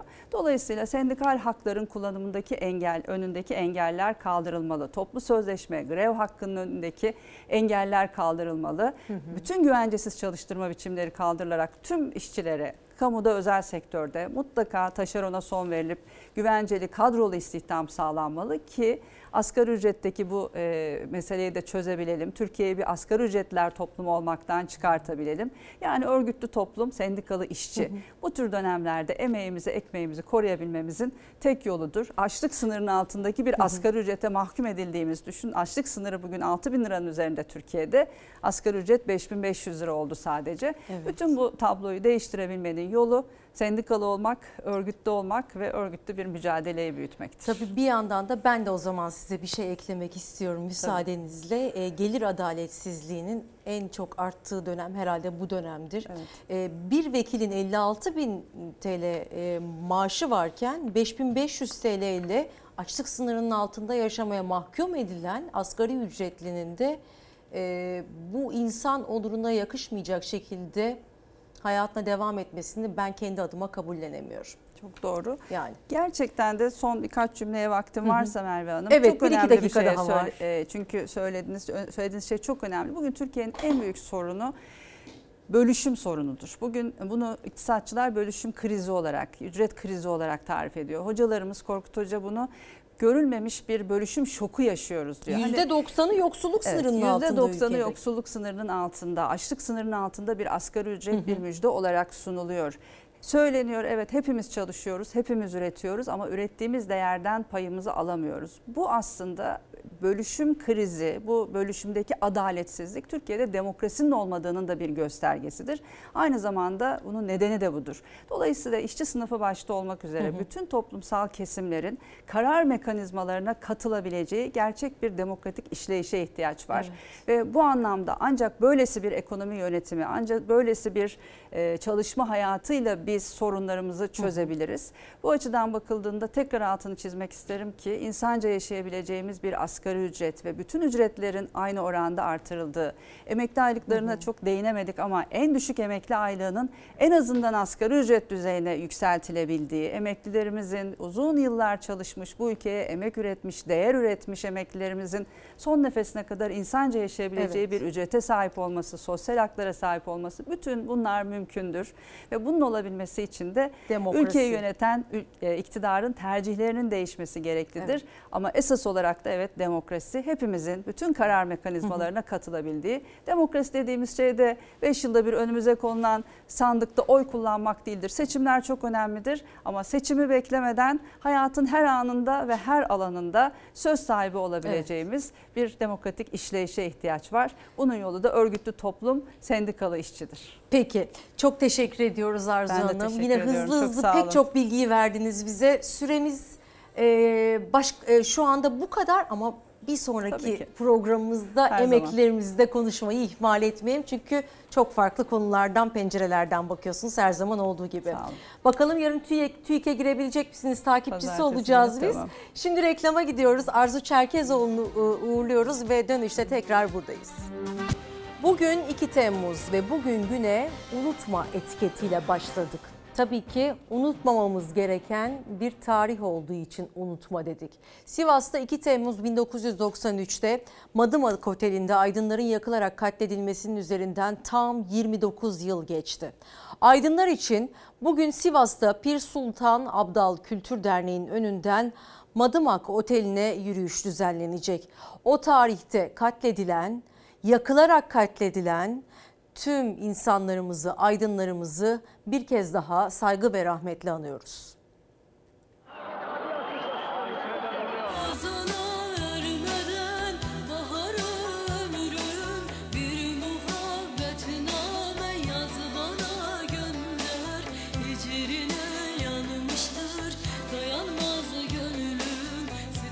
Sivas'taki Madımak Oteli'nden yükselen bu alevler Türkiye'nin yakın tarihindeki en büyük travmalardan, acılardan birini ateşledi. Karanlığın en derin noktasından beslendi. 35 kişi, çoğu sanatçı ve aydın, gericiliğin ve provokasyonun çirkin emellerine feda edildi. Acısı hala sıcak.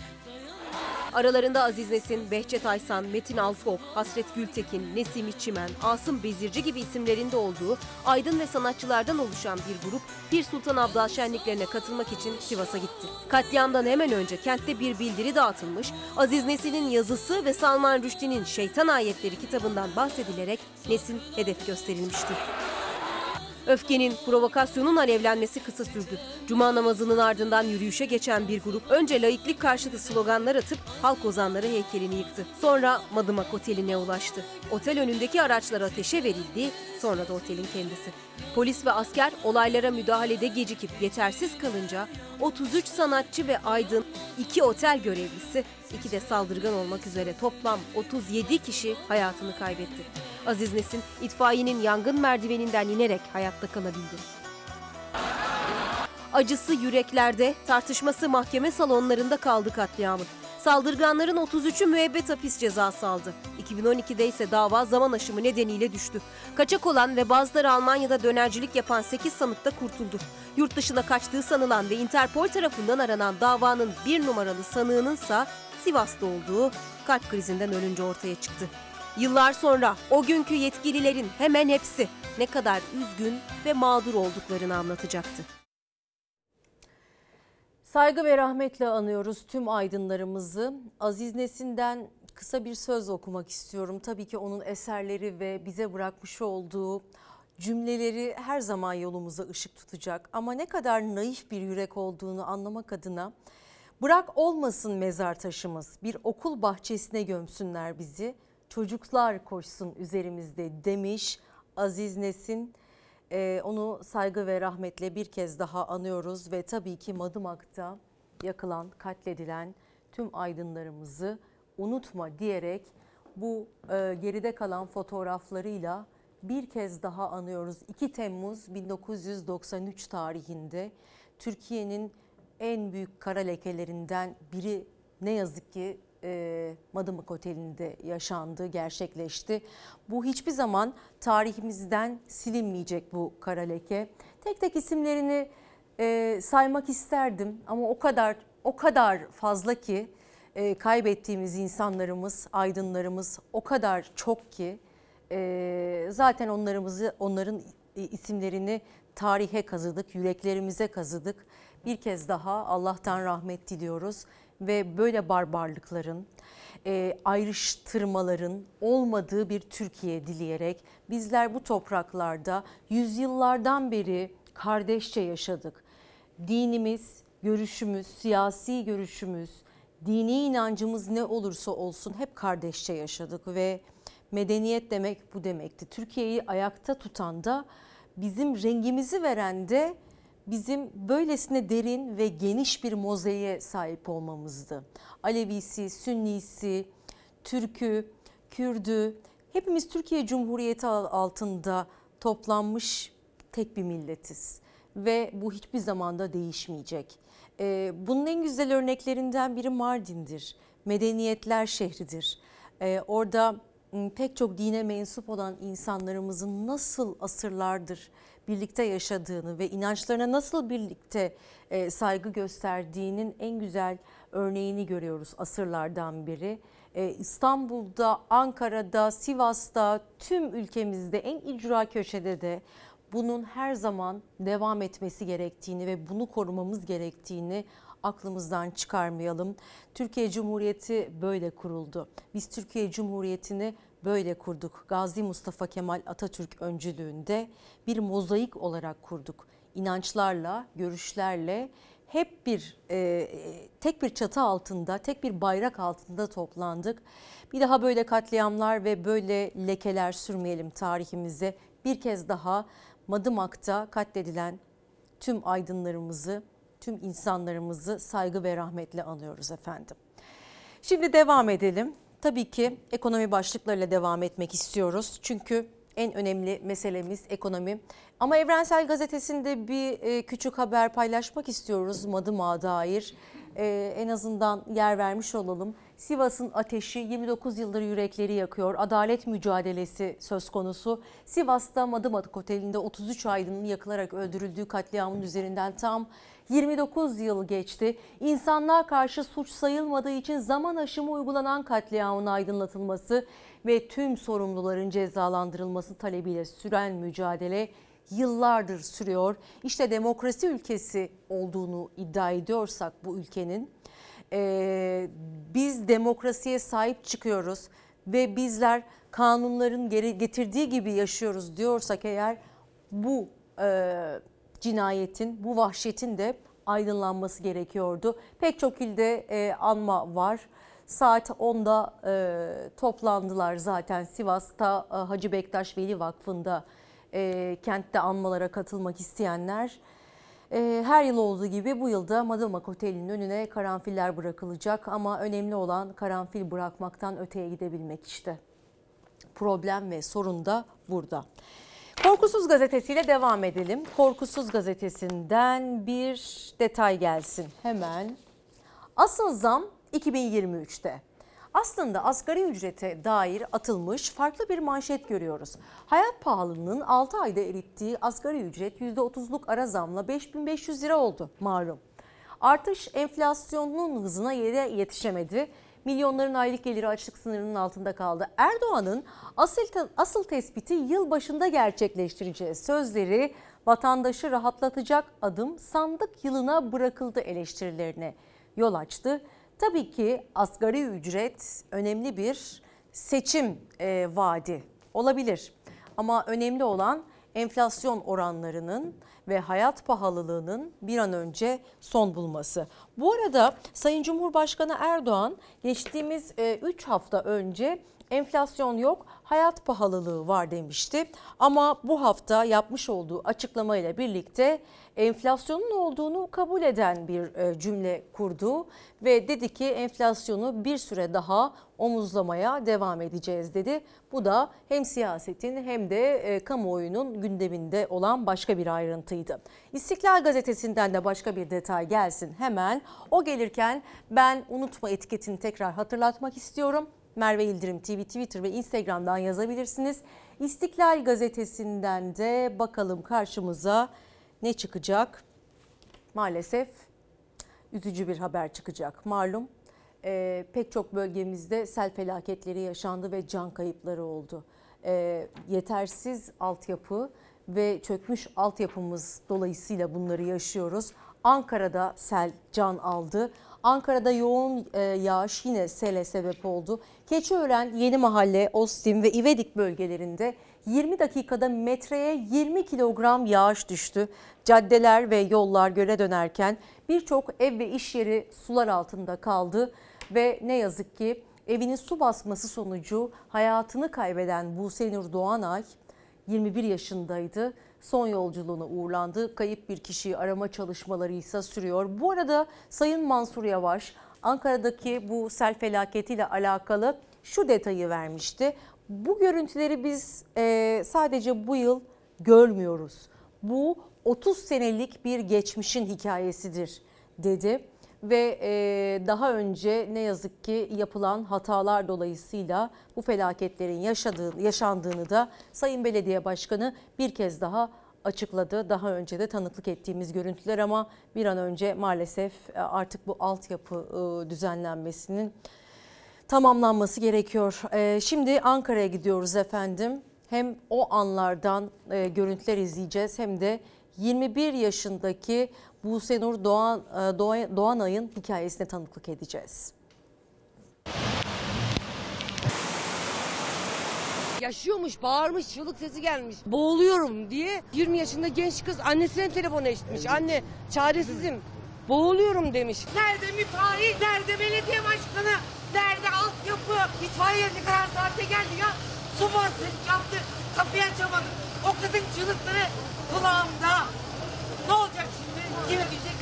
Henüz 21 yaşındaydı Buse Nur Doğanay. Ankara Keçiören'de bir anda bastıran yağmur sonrası evden çıkacak zaman bulamadı. Komşularının tüm çabasına rağmen kurtarılamadı. Evin içinde boyunu aşan suların altında kalarak hayatını kaybetti. 20 yaşında bir can kayboldu. Kim verecek bu hesaplıya? Benim 40 yıllık emeğim. 20 yaşında bir genç kız. Beynimi tırmalıyor ya. Açamadım kapıyı ya. Neredeydiniz? Neredeydiniz? Ankara'da sağanak yağış Keçiören'in İncirli ilçesinde etkili oldu. Zemin katlar bir anda yukarıdan aşağı gelen yağmur sularıyla doldu. Eksi birinci katta oturan Buse Nur da düğüne gitmek için evde annesini bekliyordu. Eve dolan yağmur suyu bir anda boyuna kadar ulaştı. Yardım çığlıklarına önce komşuları koştu. Çok yüksek sesle çığlıklar geldi. Eşim koştu geldi. Bina su almıştı. Birdenbire gövdesini aşacak dereceye gelmiş ki annesini aramış. Benim gelinim beline bir şey bağlayarak içeri girip yardım etmeye kalkışmış. Sonra su basınca o da girmedi. Burada çaresiz kaldık. Kendimiz kovalarla suları tahliye etmeye çalıştık ama Büyükşehir'den suyu tahliye araçları geldi.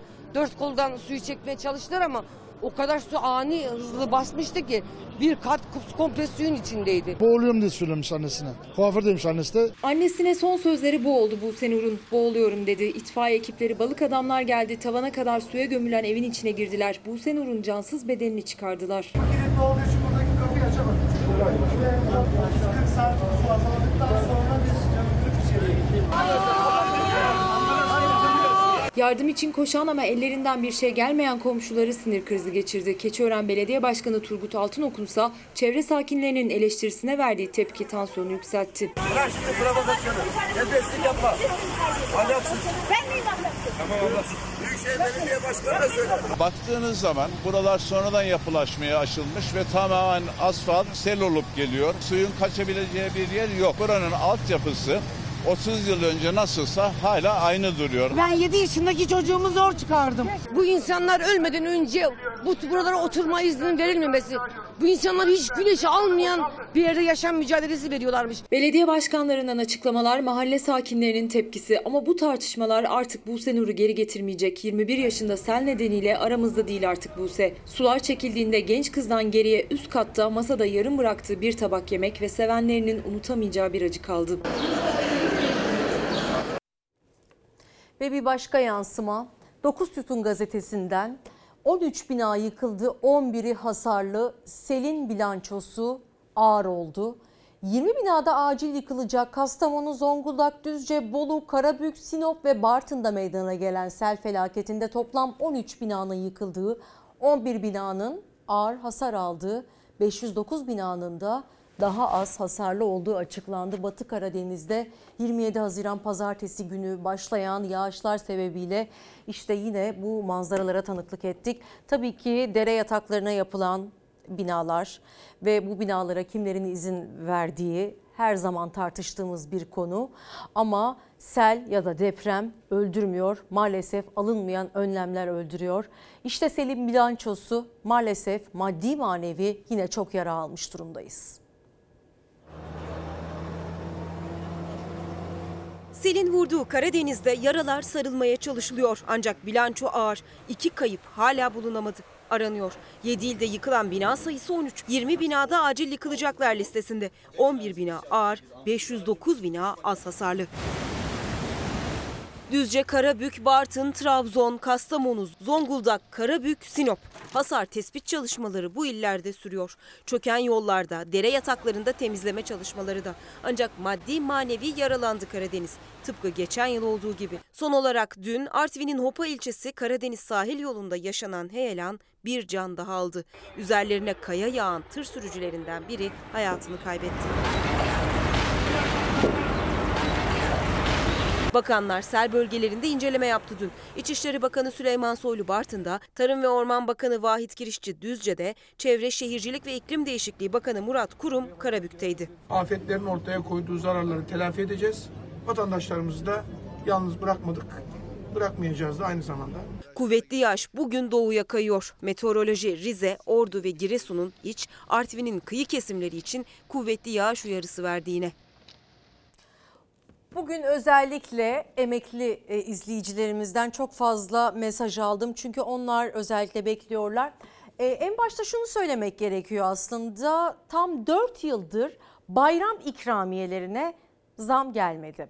Yani sadece 100 liralık bir zam geldi. Bunu da zamdan sayarsanız e, ve 1100 TL'lik e, bayram ikramiyeleri yanı, e, yerinde sayıyor. 3500 TL meselesi var ama tabii ki e, Haziran ayı enflasyonuyla birlikte 6 aylık enflasyon sonucunda onlar da en düşük e, emekli maaşının 3500 TL'ye e, ulaşmasını bekliyor. Ama pek çok sendikanın ve muhalefet partilerinde özellikle gündemde tuttuğu mesele şu ki en düşük emekli maaşı asgari ücret seviyesinde olsun. Çünkü açlık sınırı az önce de paylaştığımız gibi bir kez daha hatırlatmak istiyorum ki 6391 lira. Yani bir emeklinin Türkiye şartlarında yaşayabilmesi için e, açlık sınırının yani karnını e, sağlıklı şekilde doyurabilmesi için bu, bu rakama bu maaşa ihtiyacı var. Tabii ki e, bununla e, aynı zamanda kira ödeyip aynı zamanda sağlık masraflarını da karşılaması mümkün değil emeklilerimizin. Ama yine de e, ne kadar fazla olursa ne olursa onlar her şeye razı olmak durumunda kalıyor. Emeklilerimiz için heyecan vakti mi desek yoksa gergin bekleyiş mi desek bilemiyorum ama e, önümüzdeki e, hafta yani bu hafta yeni haftada onların da alacağı rakam açıklanmış olacak. 1100 lira ne ki? Param 1100 lira. Çocuklarım işsiz. Bir benim maaşıma bakıyorlar. Bakkaldan borç aldım. Hiç suyu neye hep borç aldım yazdırdım. Makarna aldım. 1100 lirayı alacağım bakkala vereceğim. Rahatça geçinmek bir yana düşük emekli maaşıyla çocuklarına yardım etmek zorunda kalan emeklinin bayram ikramiyesi geldiği gibi gidecek. 1000 liralık ikramiye 4 yılda sadece 100 lira arttı. 1100 lira oldu. Ama başta gıda olmak üzere artan fiyatlar ikramiyeyi ciddi oranda eritti. 1100 lirayla en fazla bir evin bir haftalık ihtiyacını alırsın. Eridi gitti. Geçim mücadelesi veren emekli Kurban Bayramı öncesi 1100 lira olan bayram ikramiyelerini 2-7 Temmuz tarihleri arasında alacak. Enflasyon, dolar ve altındaki artış baz alınarak ikramiye revize edilseydi emeklinin eline daha çok para geçecekti ama bu bayramda da ikramiyeye zam yok. enflasyon oranında artsaydı bugün en az 2606 lira olması gerekiyordu. Dolar bazında artış yapılmış olsaydı en az 3554 TL tutarında bir bayram ikramiyesinin verilmesi gerekirdi. Altının değer kazancı şeklinde değer kazansaydı 4976 lira olması gerekirdi. İlk bu para çıktığında bir kurban kesme şansın dahi vardı. 3 tane de çeyrek altın alıyordun. Şimdi üste para vermen lazım. Bayram ikramiyeleri ilk verildiğinde yani 2018 yılında 1000 liralık ikramiyesiyle emekli 20 kilo kıyma alırken 4 yılda yalnızca 100 lira artan ikramiyesiyle yani 1100 lirayla emekli bugün 7,5 kilo kıymayı zor alabiliyor. Kıyma hesabına göre emeklinin kaybı 4 yılda 12,5 kilo. 2018'de kıymanın kilosu 50 liraydı. Şu anda 148 lira. Fiyatlar arttıkça alım gücü düştü. Sadece bakıyoruz. Başka yapacak bir şey yok. En son ne zaman et aldınız? Vallahi hatırlamıyorum. Hiç anlamı yok. Hiç beklemiyorum bile. Ben ona hiç güvenmiyorum ki zaten. Geçim sıkıntılarını dile getirmek için emekliler İstanbul'da eylem yaptı. Emekli Memur Sen Başkanı Ali Küçükkösen bayram ikramiyelerinin maaşlar kadar artırılması gerektiğini söyledi. Yılda iki defa ödenen bayram ikramiyesi gösterge rakamına bağlanmalı ve maaşlara yapılan artış kadar artış yapılması sağlanmalıdır. Vaziyete baktığımızda alım gücünün düşmüş olması ve tabii ki enflasyon rakamları, oranları vesilesiyle e, gıdaya, temel ihtiyaçlara gelen zamları çokça uzun zamandan beri konuşuyoruz. Düşünün ki karpuzun bile dilimle satıldığı, simitin bile dört parçaya bölündüğü bir süreçten bahsediyoruz. Gün boyu gazetesinde üretici ile market arasındaki fiyat farkı katlanarak artıyor detayını görüyoruz. Ee, Haziranda elmanın 7 kat, yeşil mercimeğin 3-8 kat, e, 3 ila 8 kat, maydanozun 3,8 kat, maydanozun 3,6 kat, ıspanağın 3,5 kat, kuru fasulyenin 3,4 kat fazla fiyatla tüketiciye satıldığını görüyoruz. Türkiye Ziraat Odaları Birliği Başkanı Şemsi Bayraktar yapıyor bu açıklamayı. Geçen ay e, fiyatlar böyleydi ve kısa bir süre içerisinde de e, bu hale geldi. Markette fiyatı en fazla artan ürün %28.3 ile Antep fıstığında oldu. Toz şeker meselesiyle alakalı e, oldukça dikkat çekici bir konu var. Çünkü şekere gelen zamları konuşuyoruz. E, şeker %15.7 ile sadece Haziran ayında zam rekoru kırdı diyebiliriz. Tabii bu noktada şeker pancarı fabrikalarının özelleştirilmesinin sonuçlarını gözlemliyoruz. 2018 yılında bu fabrikaların özelleştirilmemesi konusunda ne kadar çok e, yayın yaptığımızı hatırlarsınız ama sonuç işte tam da beklediğimiz gibi. Ve bu hafta tartışılan konulardan biri de özellikle e, Erdoğan'ın zam meselesiydi. Muhalefetin tepkileri üzerinde %40'lık zam teklifi geri çekildi. Bu da önemli bir konuydu. Kanun metninden çıkarılmasını talep ediyorum dedi Cumhurbaşkanı Erdoğan. Muhalefet işi zıvanadan çıkardı dedi ve bu noktada da bir başka konu gündeme geldi. Özgür Özel e, gündeme getirmişti ve Erdoğan emekli başbakan ve milletvekili maaşı da alıyor mu diye sordu. Emeklileri konuşurken bir yandan da bu konuda gündemde bunu da atlamamış olalım efendim.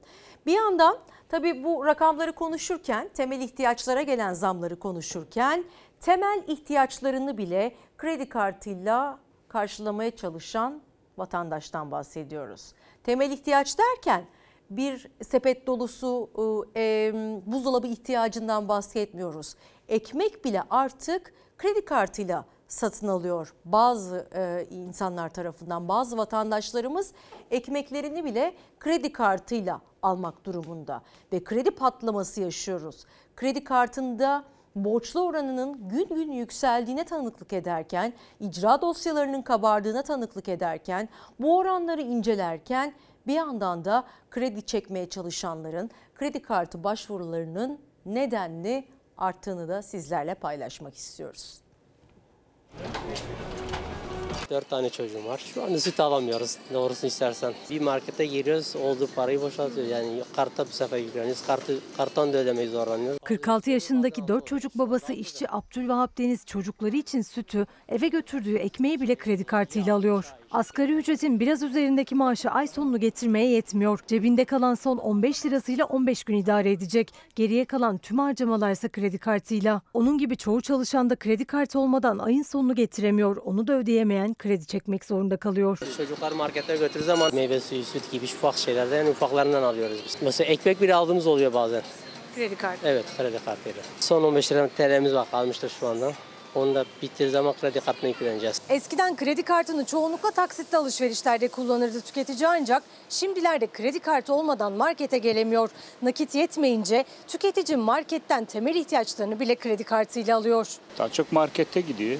Biz salçayı bile kredi kartı alacağız. Üç tane kredi kartımız var. Birinden çekiyorsun öbürüne yatırıyorsun. Kartları kapatmak için kredi alıyoruz işte. Türk lirası kredi kullanımında hızlı bir artış olduğunu görüyoruz. Hem ticari tarafta hem tüketici tarafında. Son iki ay içerisinde tüketici kredileri toplamda %10.7 artmış. Kredi kartları %15, ihtiyaç kredileri ise %10 artmış. Yüksek faize rağmen kredi çekmek zorunda kalıyor tüketici çünkü nakit yok. Kredi kartında da asgari ödeme %40'a çıkarıldı. Yani borcunu ödemek daha da zorlaştı. Aylık faiz %2-2,5 seviyelerinde ihtiyaç kredilerinde, yıllıklandırılmışı %27, %30 seviyelerinde. Merkez Bankası'nın faiz indirimleriyle bankaların kredi faizlerinin düşmesi bekleniyordu. Tam tersi oldu. Merkez Bankası faizi %19 iken ihtiyaç kredisi faizi %22'nin hemen üstündeydi. Aylar içinde 5 puan indi Merkez Bankası'nın faizi. Kredilerdeki faiz ise aksine 5 puan arttı. İki tane kredi borcum var. Mecbur ne yapacaksın? Yapacak bir şey yok. Yetmiyor. Şu anda düşünemeyiz hiç. Yani zaten banka aradı zaten. Bugün aradı bankadan da. Allah ihtiyacınız yok mu? İhtiyacımız var ama nasıl çekeceğim? 20 bin liralık kredinin 12 ay vadeyle geri ödemesi 24 bin lira. Aylık faiz %2'nin üstünde. Buna rağmen çekilen kredi miktarı da kredi borçları da günden güne artıyor. Çünkü temel ihtiyaçlara bile maaşlar yetmiyor. İlk çocuğumda hatırlıyorum kolilerle süt alırdık. Evde biriktirdik ama şu anda tek tek almaya çalışıyorum. Beyaz eşya alırken kart kullanıyorduk ama artık kartsız markete gidilmiyor. Yanımızda 100 TL varsa kasaya geldiğimizde 200-300 TL bir şey çıkıyor. Mecburen kart kullanıyoruz. Eczanelerde bile veresiye defterlerinin olduğu bir dönemden geçiyoruz ve Türk Eczacıları Birliği ilaç bulunamıyor, bulunsa bile hastalar ceplerinden ödemek durumunda kalıyorlar diyerek başka bir açıklama yaptı. Onlar da eyleme hazırlanıyorlar. Dört tane veresiye defteri. Aynen öyle. Aynen öyle. İlaçlarını alıyorlar ve yazdırıyorlar. Böyle giderse hani iki eczaneden biri maalesef kapanacak yani. Eczane iflaslarının başlaması maalesef an meselesidir. İlaca erişim sıkıntısı, yüksek ilaç farkları eczacılarla hastaları karşı karşıya bırakıyor. İlaçta bile veresiye defteri kabarırken Türk Eczacılar Birliği kepenk indirme de dahil eylem planına başlayacaklarını açıkladı. Meslek onurumuzu korumak için gerekirse eczane kapatma da dahil olmak üzere kademeli eylem planımız acilen hayata geçirilecektir. Bizim masraflarımız enflasyonun çok üstünde arttı. Yani dükkan kiralarımız, işte personel giderlerimiz. Eczacılar hem hastalarla karşı karşıya kalmaktan yorgun hem de artan maliyetlerin altında gelir gider dengesizliğinden. Türk Eczacılar Birliği bulunamayan ilaçların her geçen gün arttığını vurguladı. Bulunabilenler içinse hastaların cebinden çıkan fark ücreti günden güne katlanıyor. İlaç yoklukları artık daha sık yaşanır hale gelmiştir. Hastalarımızın yaşadıkları bu mağduriyetin sorumlusu kesinlikle eczacılar değildir. Çocuk şuruplarından tutun da e, tansiyon ilaçlarına, antibiyotiklere, insülinlere birçok ilacı şu anda hala temin etmekte sıkıntı yaşıyoruz. Bazı ilaçların işte aynısını bulamıyoruz. Gidiyoruz ona benzerini veriyorlar. Bayağı bir zam gördü yani. Önceden 2-3 ilaç yazdırdığımız zaman o 15-20 lira verirken şimdi 40 lira veriyorum. 45 lira veriyoruz. Maalesef hastalarımızın cebinden fiyat farkı ödemeden alabilecekleri ilaç artık neredeyse kalmamıştır. Kalp ilacı kullanırım, safra kesemden ameliyat adım onları. İlaçlarını kullanırım, kolesterol ne varsa. Ne kadar fark çıkıyor? Hiç belli olmaz. Bugün bir hastam e, reçetesini getirdi ve şu anda çıkan fiyat farkını size göstermek istiyorum. Toplam tutar 1784 lira. Birçok ilaç bulunamıyor, bulunabilenler de artık çok pahalı. Üstelik hastaların fiyat farkı ödemeden alabildiği ilaç neredeyse artık yok. İşte bu durumda da eczanelerde veresiye defteri devreye giriyor. Kurumun ödediğinden dışında çıkan fiyat farklarını deftere yazdırıyorlar ve maaşlarını aldıkları zaman bize ödüyorlar. Bazen ödeyemiyorlar. Eczacılar hem kendi hem de hastaların omuzundaki ağırlaşan yükten şikayetçi. Çözüm bulunmasını istiyorlar. Bu da bir çocukların, bebeklerin e, ağrı kesici ateş düşürücü şurubu. Doktor sadece bunu yazdı ve hasta bunu cebinden alsaydı 31 lira 72 kuruş lira ödeyecekti.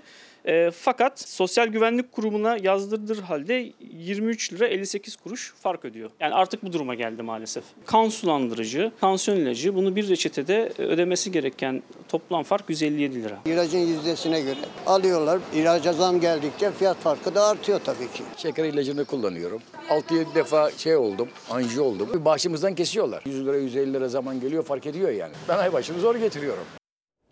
Bunca sıkıntılı haberin sonrasında hoş bir haber var sırada. Tarımın Kadın Yıldızları projesiyle sözleşmeli kadın çiftçilere ürün alım garantisi verilecek. Bir holding ve Tarım Bakanlığı ortaklığında İstanbul'da bir toplantıyla duyuruldu. Bakın detaylar nasıl?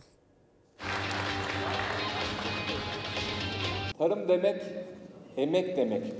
Toprakla bütünleşmek demek. Yıllardır analarımız, bacılarımız tarlalarda emek ürettiler.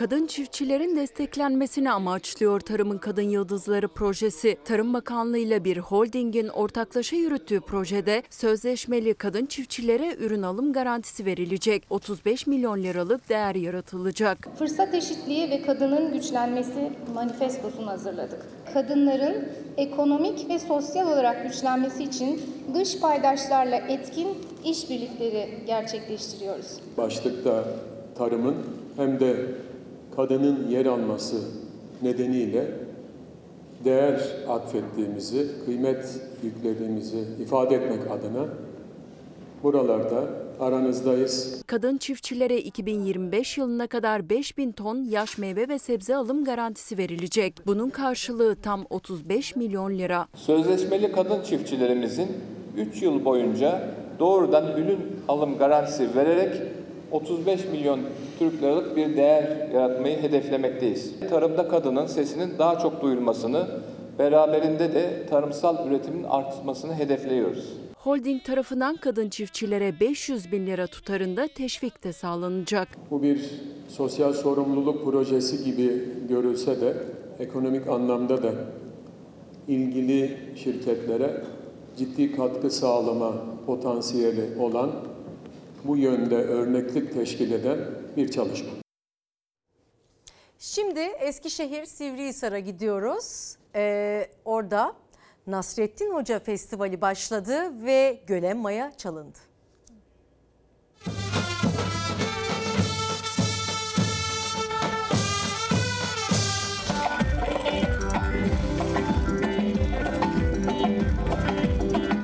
Sivrihisar Uluslararası Nasrettin Hoca Festivali başladı. Rengarenk görüntülere sahne oldu. kalmış şeker Hasir ettin şeker Çok sallanma güzel yarim Cahilim aklım gider Festival 29 Haziran'da Sivrihisar kortejiyle misafirlerine kapılarını açtı. Farklı ülkelerden gelen dans toplulukları kendi ülkelerinin geleneksel danslarını sergiledi. Festivalin 3. gününde ise Nasrettin Hoca'nın kabri başında dualar okundu. Katılımcılar unutulmaz anlar yaşadı. Hoca Nasreddin'in ve kerimesi Fatıma Han Hatun'un kabri başında onu rahmet ve minnetle yad ediyoruz ya Rabbi. Sen onlara rahmet eyle ya Rabbi. Festivale ev sahipliği yapan Sivrihisar Belediye Başkanı Hamit Yüzügüllü de oradaydı. Doğumunun 814. yılında Nasrettin Hoca'yı andı. Güzel Sivrihisar'ımıza hepiniz hoş geldiniz, sefalar getirdiniz. Nasrettin hocamız Sivrihisar'da dünyaya gelişinin 814. yıl dönümünde sizlerle bir arada olmaktan büyük mutluluk duyuyoruz. Belediye başkanı aynı zamanda Nasrettin Hoca'nın doğduğu köyde göle maya çaldı. Gelenekleri yaşattı. Şimdi reklam arası. Güne birlikte başladık efendim. Yarın sabah tekrar görüşmek ümidiyle. Kendinize iyi bakın. Sevgi ve saygıyla kalın.